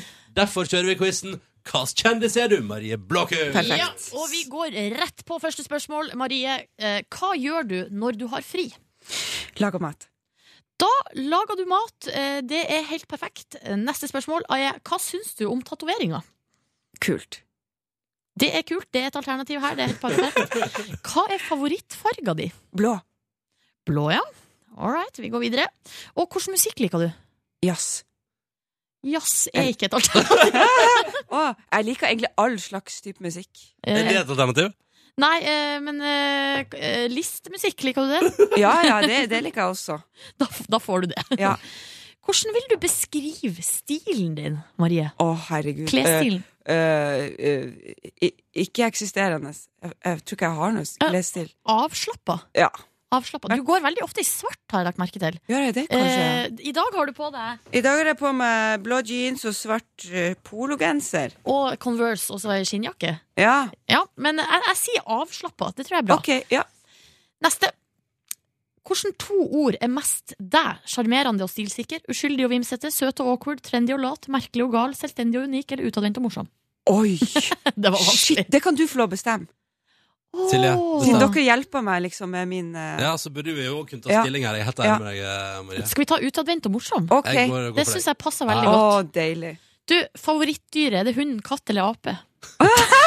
Jeg pleide å kle meg ut som ape på karneval da jeg var liten, men eh, jeg tror jeg må si katt. Katt. Og siste spørsmål. Her er det altså hvilket sitat er best.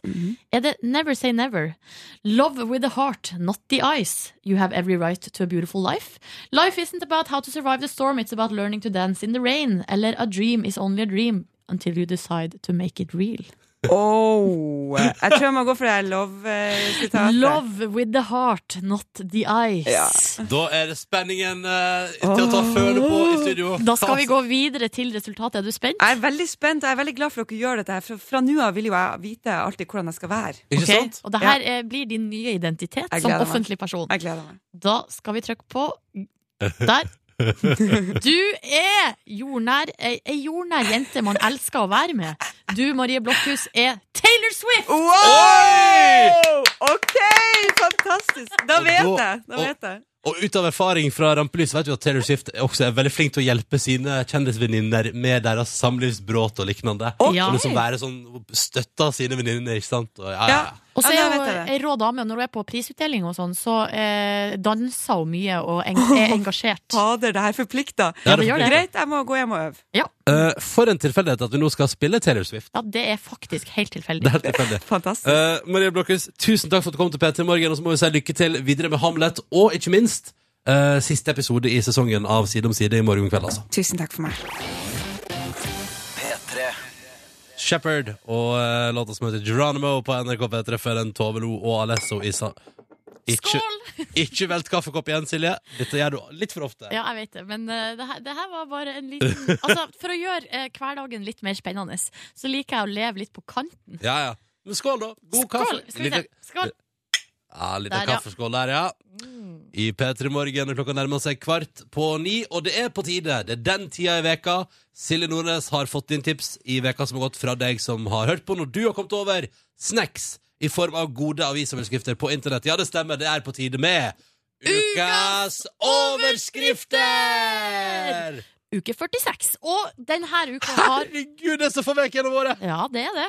det og, og overskriftsredaksjonen har altså jobba så godt denne uka. Det har kommet inn så mange gode tips. Det har vært litt sånn vanskelig å velge, faktisk. Mm. Men jeg har nå valgt ut tre som har nådd helt til topps. Og alle disse tipserne får jo T-skjorte i posten. Oh yes! Mm -hmm. uh, og det er noen nye medarbeidere her, tror jeg, som ikke har, uh, har vært med tidligere. Um, Men, men er det veldig ofte at det ikke er det? Altså, typ, har du sendt ut liksom fem T-skjorter på rad til folk? Nei, men det er et par stykker som har jobba veldig hardt, uh, og som har fått flere T-skjorter. Mm. Og altså, hardt arbeid belønnes. Mm. Det gjør det. Men eh, går rett på første overskrift, som jeg har fått tips om fra Tor André. Og det er altså nettavisen.no som skriver Snubla i pappeske, krev 700 000 av Rema 1000. Ja, Da er det amerikanske tilstander. Jeg skal saksøke deg! Det er Amerika som har kommet til Norge, og det er altså ei dame i eh, Ski som eh, i 2010 snubla i ei pappkasse på eh, Rema 1000 i Ski. Og eh, nå krever hun altså da 700 000 i eh, Altså i erstatning, da, rett og slett. Hun krever rett under en mild fordi at hun ikke så seg for å være eh, klumsete. Ja, Omstendighetene her eh, vi- vi kan vi kanskje ikke si så mye om, men det har vært rettssak, og hun har tapt. Og hun må sjøl betale 120 000 kroner Au. i advokatomkostninger. Kan jeg bare si en ting om det? At Tenk om jeg skulle begynt å saksøke hver gang jeg sjøl går på en smell en plass. Uh, river ned ting, snubler i ting, skader meg. Da hadde det blitt mye søksmål. Ja, ikke sant? Ja. Videre så eh, skal vi til eh, Gustav, som har tipsa om eh, denne saken fra Stjørdals Blad. Elgen i Stjørdal har for dårlig kondisjon. Og det er altså, ja, utmarkskonsulenten i Stjørdal kommune, Stian Almestad, han har vært ute på befaring, og nå har rapporten om hvordan det står til med elgen på Stjørdal kommet. Ja. Og Eh, den er tydeligvis lat, da. ja, altså Elgkyrne i Stjørdalsskogene har gått ned i vekt. Det er færre altså, da, altså det, Og det er færre damer i skogen der. Og det gjør altså at det blir mindre kalv, og det blir færre antall tvillingfødsler. Så her er altså en uh, utrolig detaljert artikkel som handler om elgen i Stjørdalsskogen. og så står det her om det her kondisjonsfallet.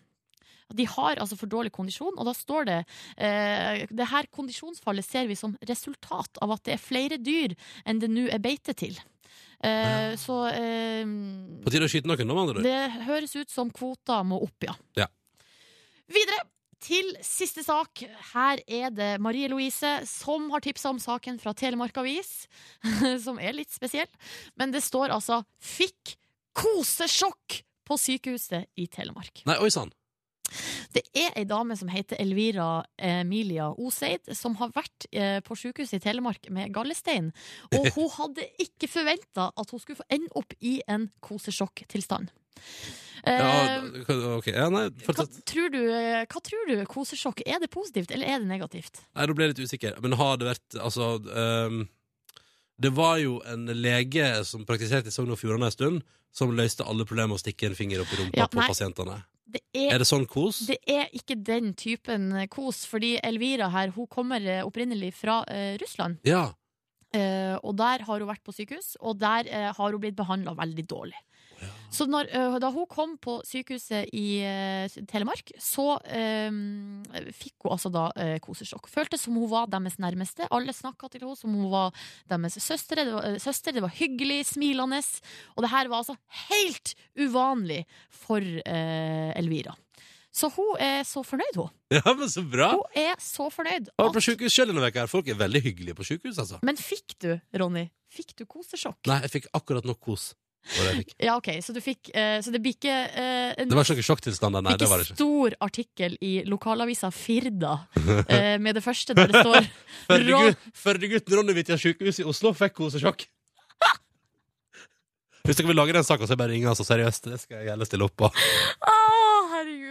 Takk for at du deltok ukas overskrifter, Silje Nordnes. Bare hyggelig. Og hvis du kommer over ei artig overskrift, eh, eller ei rar overskrift, så send meg et tips, da vel. Det er silje.nordnes.nrk.no. Og hvis eh, du blir lest opp på lufta, så får du T-skjorte i posten. Mm. Her er Margaret Berger, tolv på ni. Margaret Berger og I Feed You My Love på NRK P3, ni minutter på eh, ni.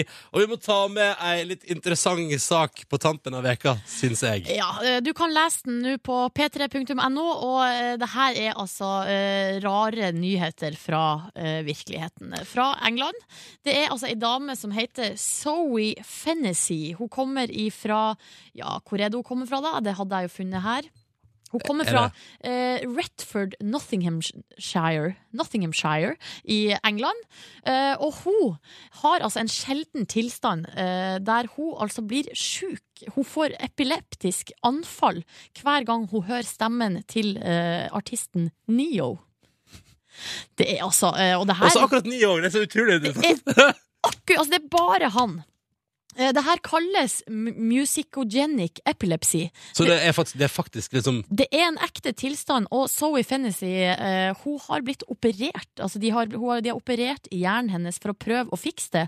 Uh, det har dessverre ikke fungert. Så hver gang hun for eksempel, at hun er i en butikk uh, og er ute og shopper, for eksempel, og der spiller det litt musikk i bakgrunnen Så eh, hvis det er Neo som spilles i bakgrunnen, så får Zoe her eh, epilepsianfall. Det er altså så spesielt, og hun sier sjøl folk syns kanskje det er morsomt, og jeg kan le av det sjøl, eh, men det her har altså tatt over og ødelagt livet mitt. Ja, for da er ute og går, og så bare Grab somebody sexy, tell them hey. Og da får jeg epileptisk anfall. Yes. Unnskyld at jeg ler, men det er jo litt, litt gøy. Veldig spesielt. Altså, jeg har jo en låt eh, som jeg må høre på før jeg skal på fest. Ja, Og det er jo eh, 'Beautiful Monster' av eh, Neo. altså den her. Tenk deg da, Silje, hvis du kommer der La oss si at du i ettermiddag da skal ut og ta deg et par eh, glass med noen venninner. Du står på badet og gjør deg klar og skal sette på favorittlåta di, eh, og så bare faller du om på gulvet der. Ja, veldig spesielt. Zoe her, altså hun, når hun er ute blant folk, så må hun gå med headset med egen musikk på ørene for å eh, liksom overdøve. Ja, for den låta her kan dukke opp hvor som helst. På Ikke sant? trikken. eh, Plutselig er det noen som spiller den på butikken, ja, og kanskje i, eh, på TV så dukker den opp i reklame. Mm. Å, herregud. Altså, du kan jo bli så overeksponert for Neo. Og det finnes eh, andre eh, eksempler på samme type lidelse. Det er ei anna dame som heter Stacey Gale. Hun er fra New Jersey, og hun får uh, sånne anfall hvis hun hører dancehall-rapperen Jean Paul. det er veldig rart. Oh. Jeg må bare si at uh, sånn som Neo spilles vel ikke så hyppig i Norge. Gjør det? Gjør han det? Ja, det kanskje. Litt innimellom. Men altså Jeg har aldri gått rundt på et kjøpesenter i Norge og hørt Nio. Å, det har jeg. Har du det? Jeg bare, det bare slo meg nå Tenk om noen akkurat nå får epilepsianfall av at vi bare pumper ut Neo. bra låt.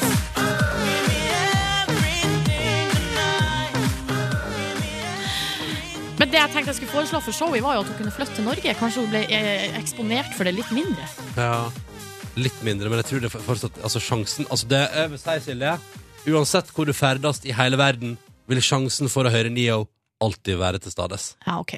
Mm. Så det er håpløst. Det er rett og slett håpløst. Da må hun bare gå med headset og høre på egen musikk. Du kan lese saken på p3.no. P3. Åh, kan jeg bare si at jeg sitter nå inne på NRK. Nei, først må vi si at du nå har kommet til den biten som ikke er på radio. Dette er bare på podcast. Velkommen til bonussporet. Og jeg har Ja. sett altså her Fordi nå plutselig kunne man jo tro at du bare fortsatte, skjønner du? Ja, skjønner, skjønner, skjønner. Det var veldig ryddig tenkt av deg, Ronny. Ja, jeg er jo programleder, tross alt. Sett inne på nrk.no, fordi at jeg klikka meg inn på ei oppskrift brownies med kremost, som er tror jeg, en type brownies som hun mamma bruker å lage, som er veldig god. Mm. Eh, Det er sjokoladebrownies, og så er det blanda i litt sånn eh, Philadelphia-ost. Hvorfor? Fordi det blir kjempegodt. Det blir bedre enn vanlige brownies. Ja, du får en slags syrlighet uh, Ah. som, er, som på en måte balanserer det søte fra sjokoladen. Vet du hva jeg skulle ønske? Nei. Eller ønske og ønske. Jeg skulle ønske at, uh, jeg skulle ønske at din singeltilværelse, Silje, brakte deg inn i samme type depresjon som det Live Nelvik sin gjorde. Altså en bakorientert depresjon. Du skal, skal være vite det, Markus. Hun- Altså, Live Nelvik kommer med de flotteste bakverk nesten hver dag. Spiste ingenting av det sjøl, men fôra oss andre med det. Ja. jeg, spiste, jeg tror jeg aldri har spist så masse eh, kaker, boller og lignende som den høsten. Jeg, Ikke gjør det der. nei, jeg måtte ta på nye hodetelefoner fordi jeg hadde på feil. Ok, eh, det Det som er, er at eh, jeg har jo prøvd å fylle mitt liv med aktivitet masse, altså å dra ut. Begynne på kor, lage masse avtaler ute med Ja, ja, folk ja. for å ikke være bare hjemme alene. Mm. Så hvis jeg, skal, altså jeg trives godt på kjøkkenet, så det gjør jeg. Men, Men, så prøv, da. Bare ta en bakekveld. Tenk om du blir lykkelig av det. eh, for du vil at det skal dryppe på deg. Selvfølgelig. Selvfølgelig ville det. Men, eh, Men jeg hun var så tydelig at det var depresjon som gjorde at hun bakte kaker. Nei, men det var den perioden. Hun fant, eh, hun fant uh, beroligendehet i um, det å bake, og så å legge ut bilder på Twitter der hun tok bilde av Der var det bakt ting med mjøl, og skrev sånn Her driver og sorterer kokain på kjøkkenet og sånn. Ah. Ja, mye humor der. Jeg tror jeg skal bake de, de her browniesene til min eh, bursdag. Gjør det, da. Så bare eh, min bursdagsfest. Greit. Jeg skal smake med et åpent sinn. Grunnen til at jeg flira litt i det vi gikk inn her, var fordi at helt nederst er det linker til andre eh, oppskrifter. Blant annet bestefars bankekjøtt. Bankekjøttet til bestefar. Det er en rett av datteren hans. Jeg syns ikke det burde være lov å kalle en rett for bestefars Jeg, ser, jeg, kan, jeg kan jo, jeg kan jo resonnere der, hvis du vil, på logikken i det. For det, nei, fordi det bankekjøtt er ikke et sånt gammelt fenomen. Sånn at det er bestefar som har, må ha gjort det. Kan ikke være, kan ikke være pappas, pappas bankekjøtt. Det går ikke. Pappas bankekjøtt! Fordi før var det mer vanlig med ris på rumpa enn eh, enn hva våre fedre kunne gjort. Mm. oh, nei, det der. Det, det, akkurat det ble for mye for deg på en fredag. Nå sender jeg oppskrifta på brownies med kremost til meg sjøl. Og så eh, kan, skal det bli noe baking i neste uke. Kake, ass. Da, det er en grunn i seg selv til å glede seg til en bursdag. Åh, jeg elsker bakverk. Jeg kan ikke få sagt eh, Men det må være Men jeg, jeg har begynt å bli kresen i mine bakverk. Eh, I går var jeg nemlig Jeg skal bare fortelle det. I går var jeg på, i går var jeg på en uh, kaféorientert. Å finne en plass å sitte og ta en kaffe i Oslo sentrum Ikke så lett. Nei. Hva gikk du for? Nei, altså, vi, vi, vi, vi begynte Vi møtte min gode venn Ole, Fordi da jeg gikk fra jobb i går, så ringte han meg tilfeldigvis akkurat da og sa sånn Hei, jeg er ferdig med noen greier her i Oslo. Eh, hva gjør du? Så jeg, Nei, jeg er på vei fra jobb, og så skal jeg ta meg et kaffe. Og så bare, ja, ja, møtes i Oslo sentrum. For han skulle innom Oslo S, da. For han skulle med tog videre. Eh, så begynner vi på eh, Begynte med Starbucks Oslo City. Fordi det, var, det er jo det som er den store kafeen på Oslo City nå. Og i styr unna. Styr Ikke et eneste ledig bord på hele fuckings dritten. Nei. Og de andre, og de andre kafeene ved siden av seg også stusselig ut, så der gikk vi vekk. Og så gikk vi, tenkte vi, ja, hva kan prøver. prøve? Mm. Han foreslo egentlig bare å sette seg på Egon, og så tenkte jeg sånn, ja, det, det kan du ikke skade. Uh, fordi det er iallfall en plass å sitte og prate. Um, Men hva med den kafeen inne på byporten, da? Jo. Espresso House. Jo, fordi nå så kom jeg til det. For, men så tenker jeg når vi kommer til byporten, tenker jeg, nei, vi går inn her. Så kommer først Espresso House, stappfullt. Ja. Helt fullstendig fullt. Men på bit, helt borti enden der, der var det et ledig bord. Så der satte vi oss. Og der drakk jeg en nydelig kaffe, en nydelig dobbel americano. Og så bestilte jeg kanelbolle til. Var det god kanelbolle? Den var fin, men det var der jeg kjente at eh, jeg forventa mer av bakverk anno 2014. Altså. Ja. Ok, har du blitt litt sånn bortskjemt på et vis? Er det gulrotmuffinsen ho- Er det muffinsen til Rosmarie som har skjemt deg bort? Den er jo veldig god, da. Ja, deilig. Jeg tror, men jeg, vet hva, jeg omformulerer. Jeg tror bare at jeg ikke er i Jeg er ikke i kanelbollemodus for tida. Men uh, altså, kanelbolle er det stor kontrast på når det gjelder dårlig og bra. ass. Ja, helt sjukt. Ja, uh, Jeg har jo eh, flere enn det i det siste gått forbi butikker der det er sånn uh, solskinnsboller som ligger, og så lukter det veldig godt. Mm. Men så vet jeg av erfaring det for eksempel ungdomsskolen at det alltid det ser og virker alltid mye bedre enn det det egentlig er. Skoleboller er jo, hvis de er gode, så Mm. er det noe med det beste. Men hvis de er eh, Du vet når de er sånn flat Altså Ja. Det er gjerne de som, sånne som du får kjøpt på Rimi, ja, liksom. de er ikke så gode, syns jeg. Nei, Nei, Ja, men de som er sånn, sånn baller. Men jeg forstår eh, ikke. Det, men jeg kunne tenke meg å prøve å lage Nei, jeg kan ikke det. Til skoleboller? Ja, men så, det er altså, jeg ikke mener, noe vanskelig. Jeg mener at det er ganske mange år siden jeg smakte en, en solskinn. da, Altså de med melis, og ikke kokos, men melis og, og vaniljekrem-ting. Mm. Jeg mener at det er mange år siden jeg spiste en god sånn. Mange år. Men solskinnsbolle, for meg er det en kanelsnurr med vaniljekrem Bingo. og melis. Bingo. Det brukte jo min eh, tidligere bestyrer i borettslaget å lage. Oh, ja. Eh, og det var jo helt nydelig. ja. God ordning. da. Når spiste dere de der? Var det, Henta han liksom inn familie, eller beboerne til møte, og så spiste dere? Hvem er Å, han? nei, vent litt, nå, et øyeblikk. Markus, eh, be- bestyrer i borettslaget sier litt et kodeord for eksen. Det er min tidligere samboer. Er det sant? Ja. Å ja. I- Et podkast-kodeord. Og da kan vi bare svare på det. Så det kom en mail med spørsmål om eh, hva Live Nelvik hadde kalt sitt barn da hun var inne på besøk her. Og det var også da kodeord. Det som er bakgrunnen for at vi av og til kaller dattera til eh, Live for Vida, er fordi at eh, da eh, Live og Tore gifta seg, så hadde VG skrevet en gigantisk artikkel. Og Live var til og med på forsida av VG. Så her har de gjort seg flid. Eh, Men inne i artikkelen så skriver altså VG eh, at Tore og Lives datter Vida var også til stede. Ja. Eh, og det som er så rart der, er jo at For dattera heter jo egentlig Liv. Mm. Og det er ikke noe hemmelig. Altså, jeg ser at hun som har sendt mail og spurt, lurer på om det er hemmelig, og det er det ikke. Um, men Liv, altså, er jo Vida på spansk. Mm. Altså Vida betyr liv på spansk. Ja. Så hva Kanskje Jeg vet ikke. Så det, det, Men det oppsto ikke Vida-spøken i Jeg tror den oppsto i podkasten vår. Jeg. nei, nei, så- nei. Den oppsto etter. Er du sikker på det? Ja, ja, ja. ja, ja. Ah, okay. ja, det er kult. Ja, ja. Eh, på RR-show så var det noen som spurte om uh, det var oppkalt etter Live. Liv. Det er oppkalt etter mora til Livet, Å, som det heter? Liv. Ok, fordi Da, da virka det nesten som det var litt sånn halvsårt punkt. At de ikke hadde tenkt på at det var like navn. Men det har vel eh, selv- det tror jeg jeg har tenkt på. Det tror jeg jeg har tenkt Ja. på. Mm. Eh, det tror jeg definitivt. Ja, dere, men eh, utenom dette kan jeg jo fortelle at i går dette, Har jeg, pra- har jeg pratet om det på sending? Hva da? Eh, hva jeg gjorde i går?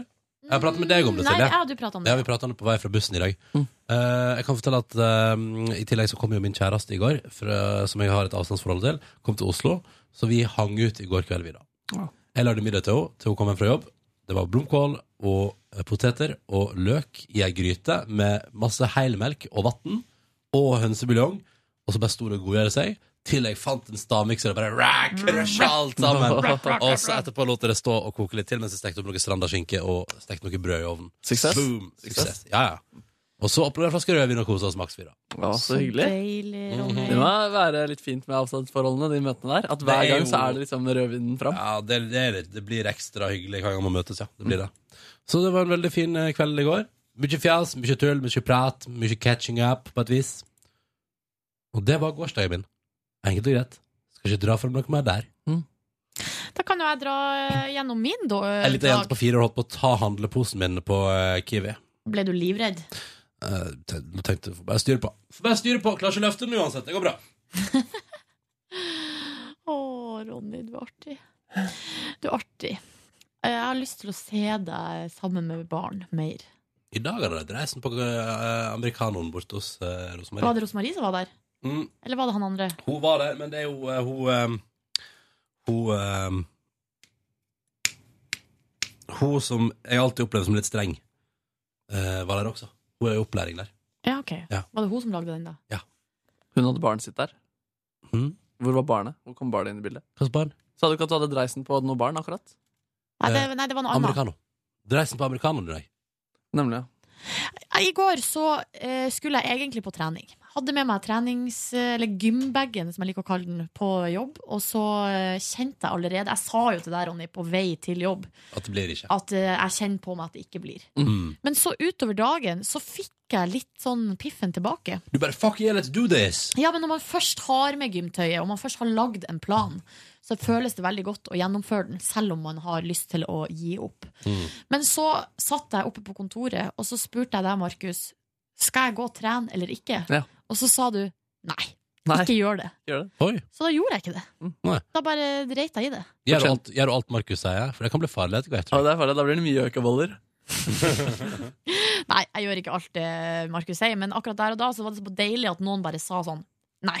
Men du var sliten i kroppen, og da klarer du å slappe bra av, og da er det ingen grunn til å trene. Jeg var sliten i kroppen. Ja, Mm. Så da dro jeg heller hjem og la meg på sofaen, og så sov jeg i to timer.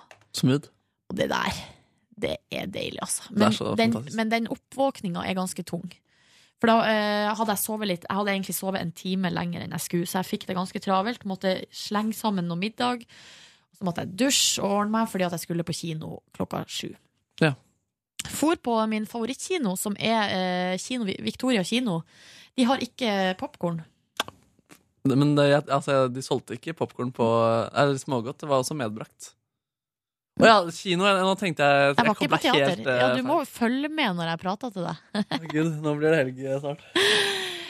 Men det- det var litt sånn uh, interessant det at de, altså, de selger rett og slett ikke popkorn der. Men de har jo øl og vin. Men har de baconsnacks?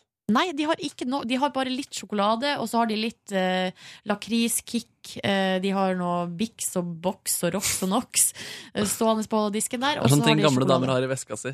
Ja. Så de har på en måte de, det essensielle. De har brus og sånn også, men ikke popkorn.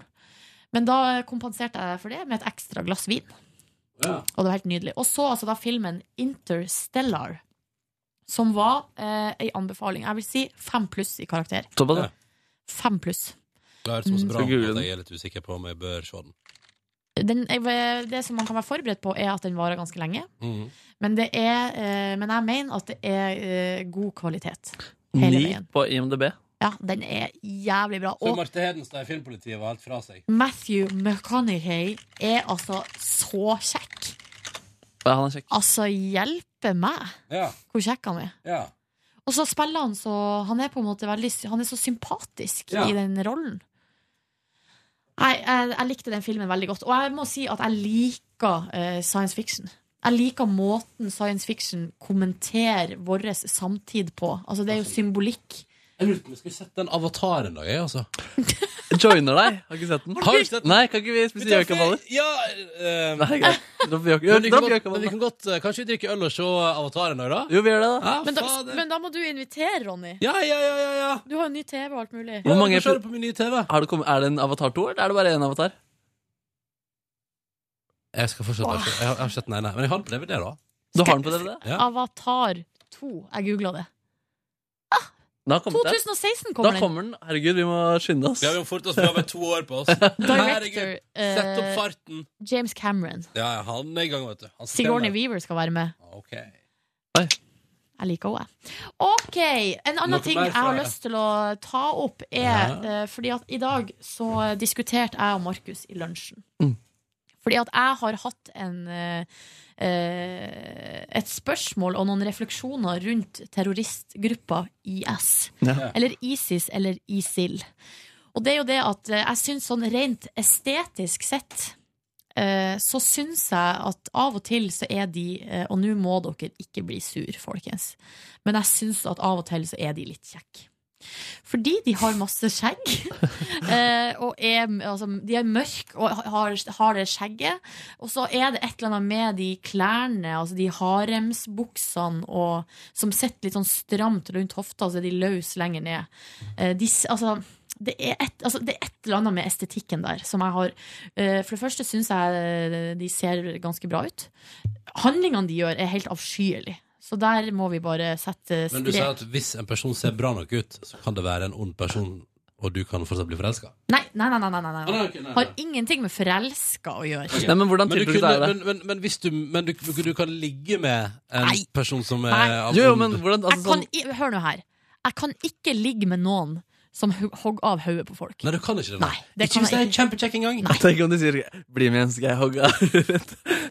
Men det jeg har lurt på For det første, det Du er blir med flere hjem til meg og ser på avkappingsvideoene mine. Nei, dere, det, det er flere ting jeg har lurt på her. For det første, kom, er i, de er veldig mye i media. De har jo en veldig god PR-strategi.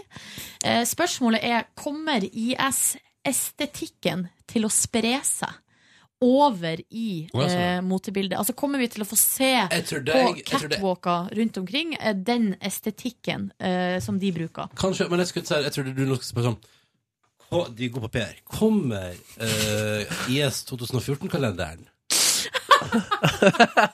Ja, det var gøy. Og hvor kan jeg kjøpe den? Det må i så fall være 2015. Ja, stemmer det. det er Ja. neste, ja, ja, tror det er 2013. Vet du. Ja. Og så sa jeg også til deg, og det her, Markus, må du, det kan du bekrefte, at vi nå for bare en times tid siden, så satt vi i kantina og diskuterte Eller jeg eh, la fram Du ranta. Eh, nei, ranta ikke. Vi diskuterte og prata rundt IS og deres estetikk. Og jeg sa at en del av de kjekkeste IS-krigerne ligna på de kjekkeste eh, hipsterne i eh, f.eks. metropolen New York. Mm.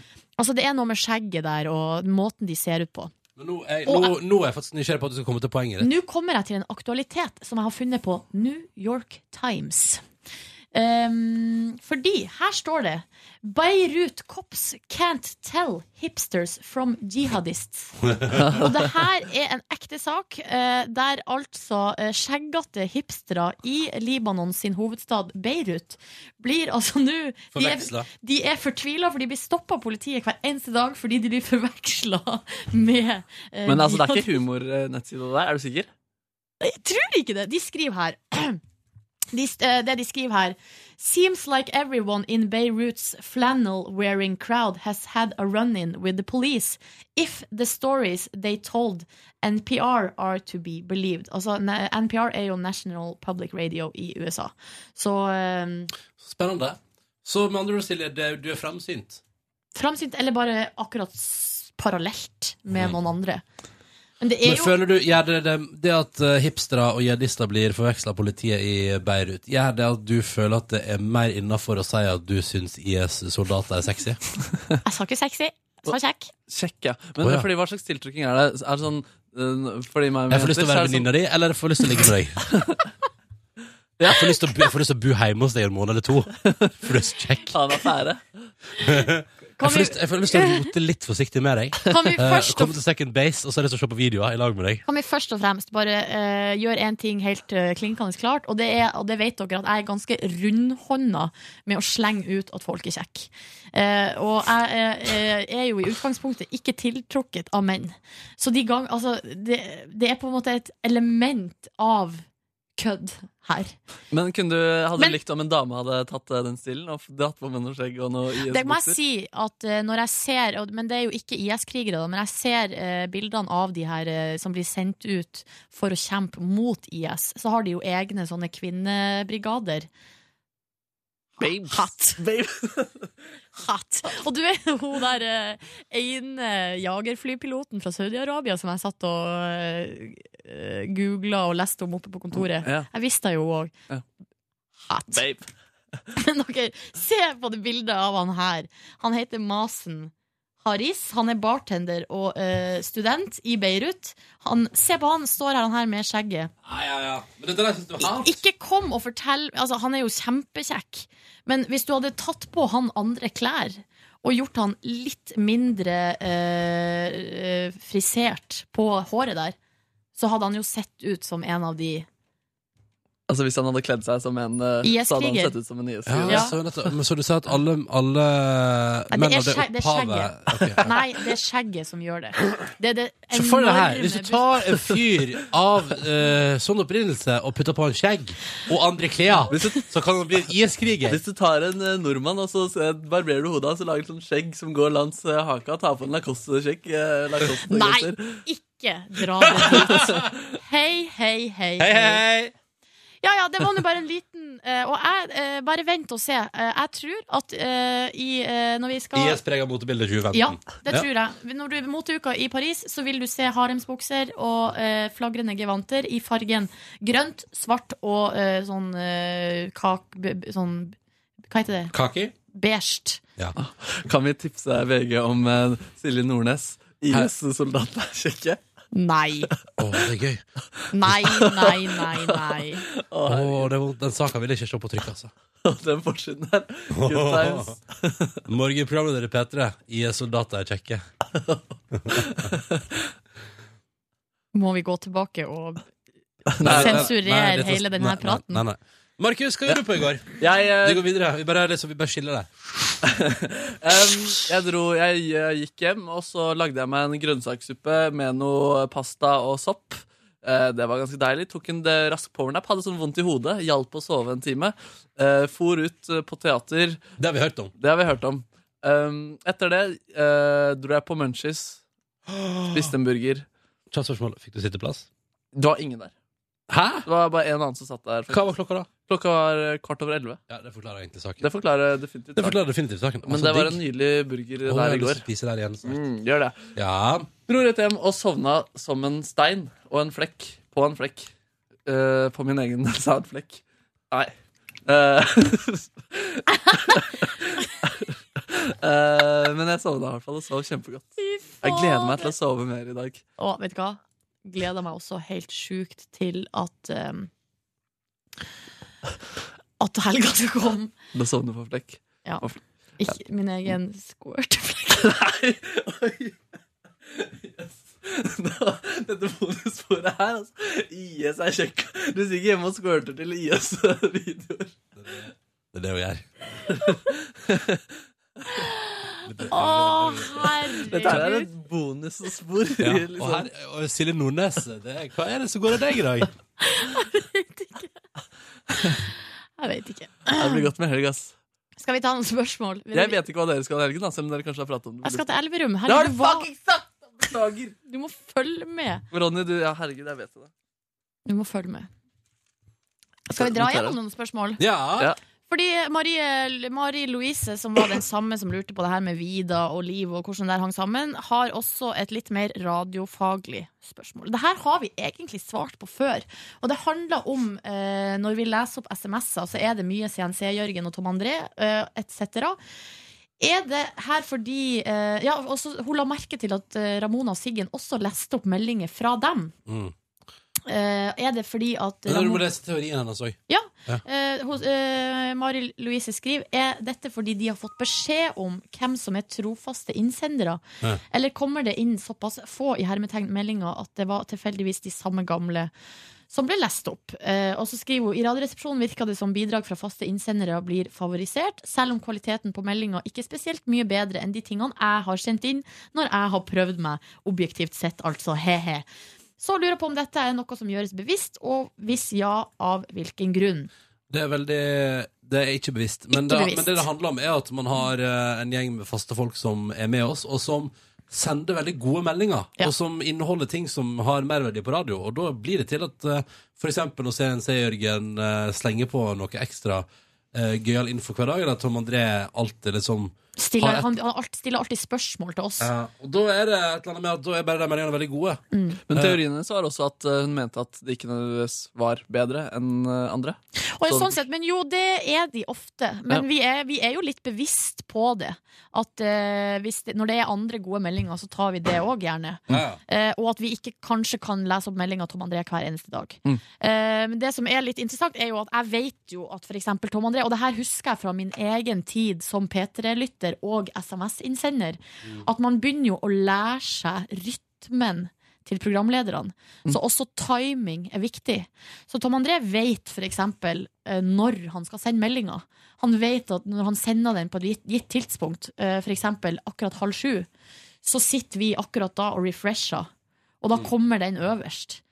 Så det er på en måte litt sånn Og så er det noen triks som er eksempel skriv under med navn.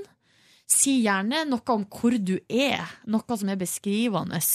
Eh, så så CNC-Jørgen har jo skapt seg et slags eh, alias. Det er liksom hans navn, ikke bare Jørgen, men CNC-Jørgen. CNC er vel en bedrift, og de burde egentlig betale han for å være CNC. Ja, egentlig. Og så eh, Det er sånne type ting.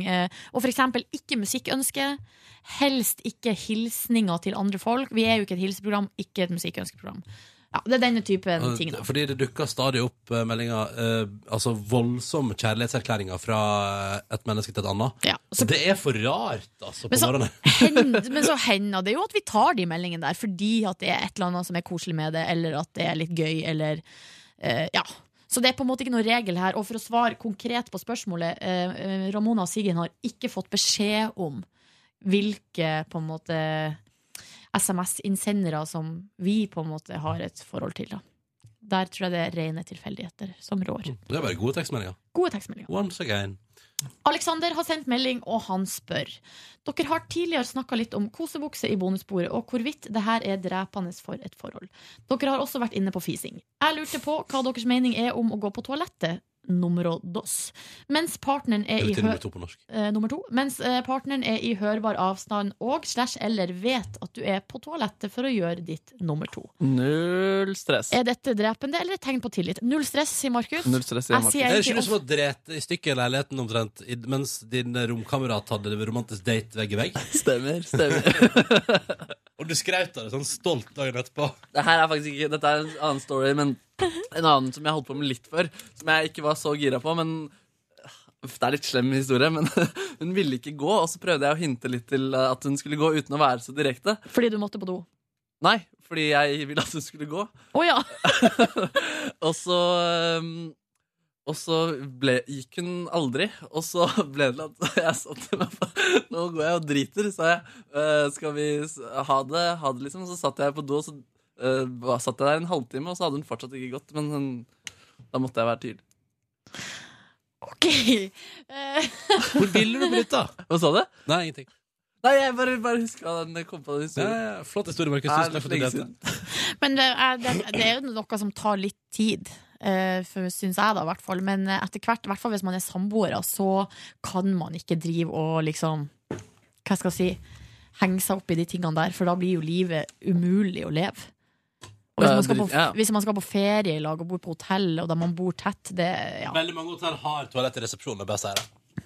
ja, for du kan jeg se for meg sliter litt med de her tingene.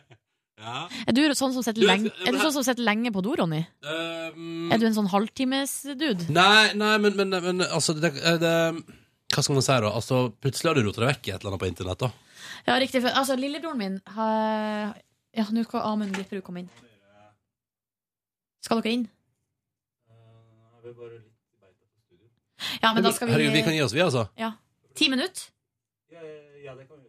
Er det greit? Ja. Smooth. ja. Mm. Topp, topp, topp. Eh, nei, lillebroren min kan av og til virke som han flytter inn på badet, liksom. Jo, men det er Silent Time. Hvem var det vi hadde som gjest som sa at eh, toalettet var der vedkommende fikk ro? Og jeg kan i hvert fall skrive under på den selv. i hvert fall Men jeg tror i hvert fall Det er ikke drepen på et forhold, men jeg er jo også eh, liksom øh, Jeg tenker at man skal ikke slippe helt løst heller. For det, det blir for eh, Man må liksom Alt i livet, Som med alt annet i livet, med måte. Ja. Bæsj med måte. Skal vi ta den mailen fra Elise òg, eller skal vi gjemme den til mandag? Hva som er fra Elise? Det er mange spørsmål. Ja, men eh, kan ikke vi det, da? Det er jo, vi har ti minutter. Ok. Spørsmål til Ronnys radioskole. Ah, Eh, elsker å komme med spørsmål til Ronnys radioskole. Kan du gi oss lyttere en Digas fordømmisleksjon, der du forteller litt om hvordan det virker når du skal klippe lyd? Når du tar ut klipp fra et TV-program, f.eks. Eh, hvordan gjør du det da rent praktisk? Spiller du av klippen i, klippet i TV-spilleren, eller har du klippet det ut på forhånd? Man kan, altså, det som er digg, er at man har muligheten til å gjøre Begge deler. hva som helst der. Ja. Det er alltid fint å ha ting på forhånd, Fordi da kan du kutte det foran og bak, fjerne stillhet, sørge for at lyden er riktig og sånn. Mhm. Det er sweet, da har du mer kontroll på det. Men man kan gjøre alt på uh, on the fly. Og så har jeg liksom jeg har muligheten Jeg har flere kilder. For eksempel på direktesending kan jeg jo liksom På ethvert tidspunkt det liker jeg veldig godt, at jeg kan liksom uh, gå Og det gjør jeg jo av og til òg, fordi at uh, jeg kan liksom gå inn når det passer meg, og for eksempel, La oss si at vi nettopp har spilt en låt, og så kan jeg liksom gå inn og hente den igjen. Og spille slutten en gang til hvis jeg vil, og liksom bare styre på. Og det er veldig sånn behagelig. Ja. Um, klipping Nei, det, det er som et hvert redigeringsprogram. Det er bare litt enklere, fordi det skal uh, fungere også for pensjonister. I NRK-systemet. Ja, ja. Men det er et veldig fint system. Det er jo tysk opplegg, så det, går jo, altså, det er jo stødig som bare det.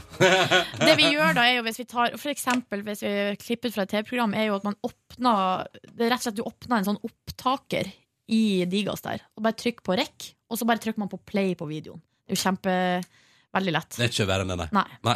Eh, her i NRK har vi også muligheten til å hente ut fra våre egne kanaler ting direkte. For eksempel kan jeg nå gå inn her i dokumentasjon, og så spør jeg deg, Silje Nordnes, hva kunne du tenke deg fra NRK1?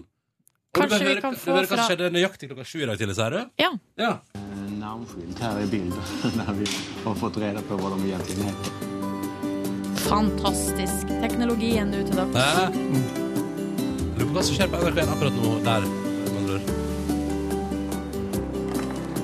Det er et TV-program, tror jeg. Akkurat klokka åtte. Stillhet. Ja, Ja, Dagsnytt. Nyheter. Eller nyheter, ja. Ja, eller eh, Så det er liksom Eller så man har, liksom, man har muligheten til å hente ut ting direkte sånn, da. Ja, ja. Det er flott greier. Uh, og så kan man redigere og styre på. Jeg vet ikke uh, Opptaket er enkelt og greit. Det er ja, som og alle klippinga også er veldig enkel å manøvrere seg rundt. Mm. Um, og så har vi da også muligheten til, og det kan man gjøre også på Jeg sitter jo også med min egen PC, så jeg kan gå inn på YouTube og så sier jeg Ronny, hent opp lyden fra min PC. Ja. Og da drar han bare opp en spak, og så trykker jeg på play, og så kommer lyden rett ut. Mm. Så det er veldig praktisk. Veldig praktisk.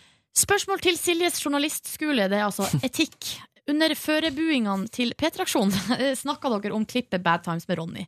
Og det med å ha skjult kamera, og at man ikke kan bare sende eh, eh, Sende video av folk rett ut på internett og TV uten at de har sagt ja til det først. Dessverre. Så er spørsmålet hvordan er de etiske retningslinjene når det gjelder å intervjue folk direkte på radioen? Da du jobber som reporter og stopper folk, og det går direkte ut på lufta, hvordan funka det da? Vanligvis sier jo ikke folk navnet sitt, men noen svarer jo automatisk med fullt navn når de blir spurt om hva de heter.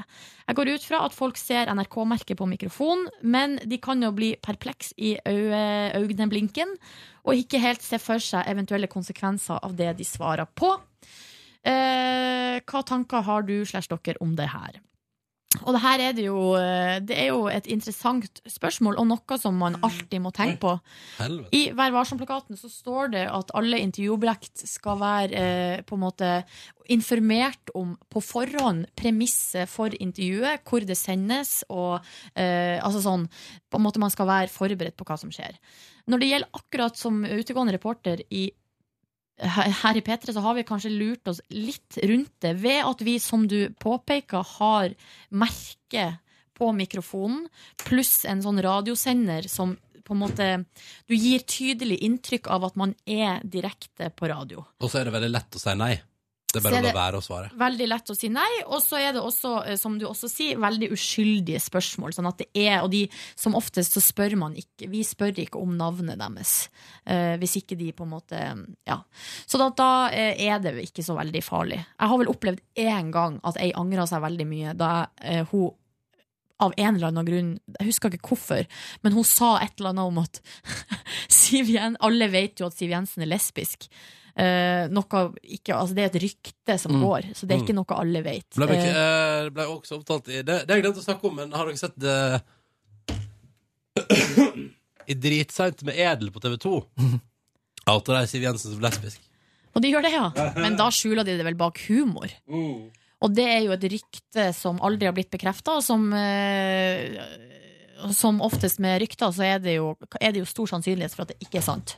Og så kan det være en liten mulighet for at det er sant. Det kan hende, men hun dama som sa det til meg da jeg var ute som reporter, Mm. hun hadde jo i tillegg eh, sagt navnet sitt. Ja. Og hun fikk så noia etterpå. Mm. Men det fikk jo ingen konsekvenser, for at det var helt tydelig at det var bare kødd. Det var liksom ikke noe farlig. Noe som er dritirriterende, er når man skal ha en skjult mikrofon og må få godkjennelse etter du har gjort noe tull med dem, og ikke får den godkjennelsen. Ja, så kan de si nei, ja. Det suger. Ja. Hilsen fyr som opplevde mye, eller? Det er et spørsmål til Markus her også, men jeg tror vi, nå tar vi den på mandag. For nå sitter de utafor og venter, Ja. og de har en gjest som har kommet. Så det Ja. er litt sånn Ok, Ja. da gjør vi det. Så da, Elise og alle andre, det kommer altså eh, Markus tekstforfatterskole på oh, mandag. ja. Gled Bare dere. gled dere. Skal vi avslutte med den uh, synt-jingelen, Markus? Ja, vi gjør det. Den er ja. dritfett. Ah. Eller faktisk skal jeg rampe og si til deg kan vi prate en stund. Nei, det er en jingle! Det er en jingle! Sorry! Ta den en til, da. Ta den en til. Vent, Jeg skal finne fra rampa. Jeg skal fra rampa Dum, dum, dum, Du dum, likte den? dum, dum, dum, dum. For en Jeg vil høre hele nerdete fullversjonen. gjeng. Ja, da vet du den jeg finner frem til. Nå er du klar? Ja. Nå kommer fullversjon.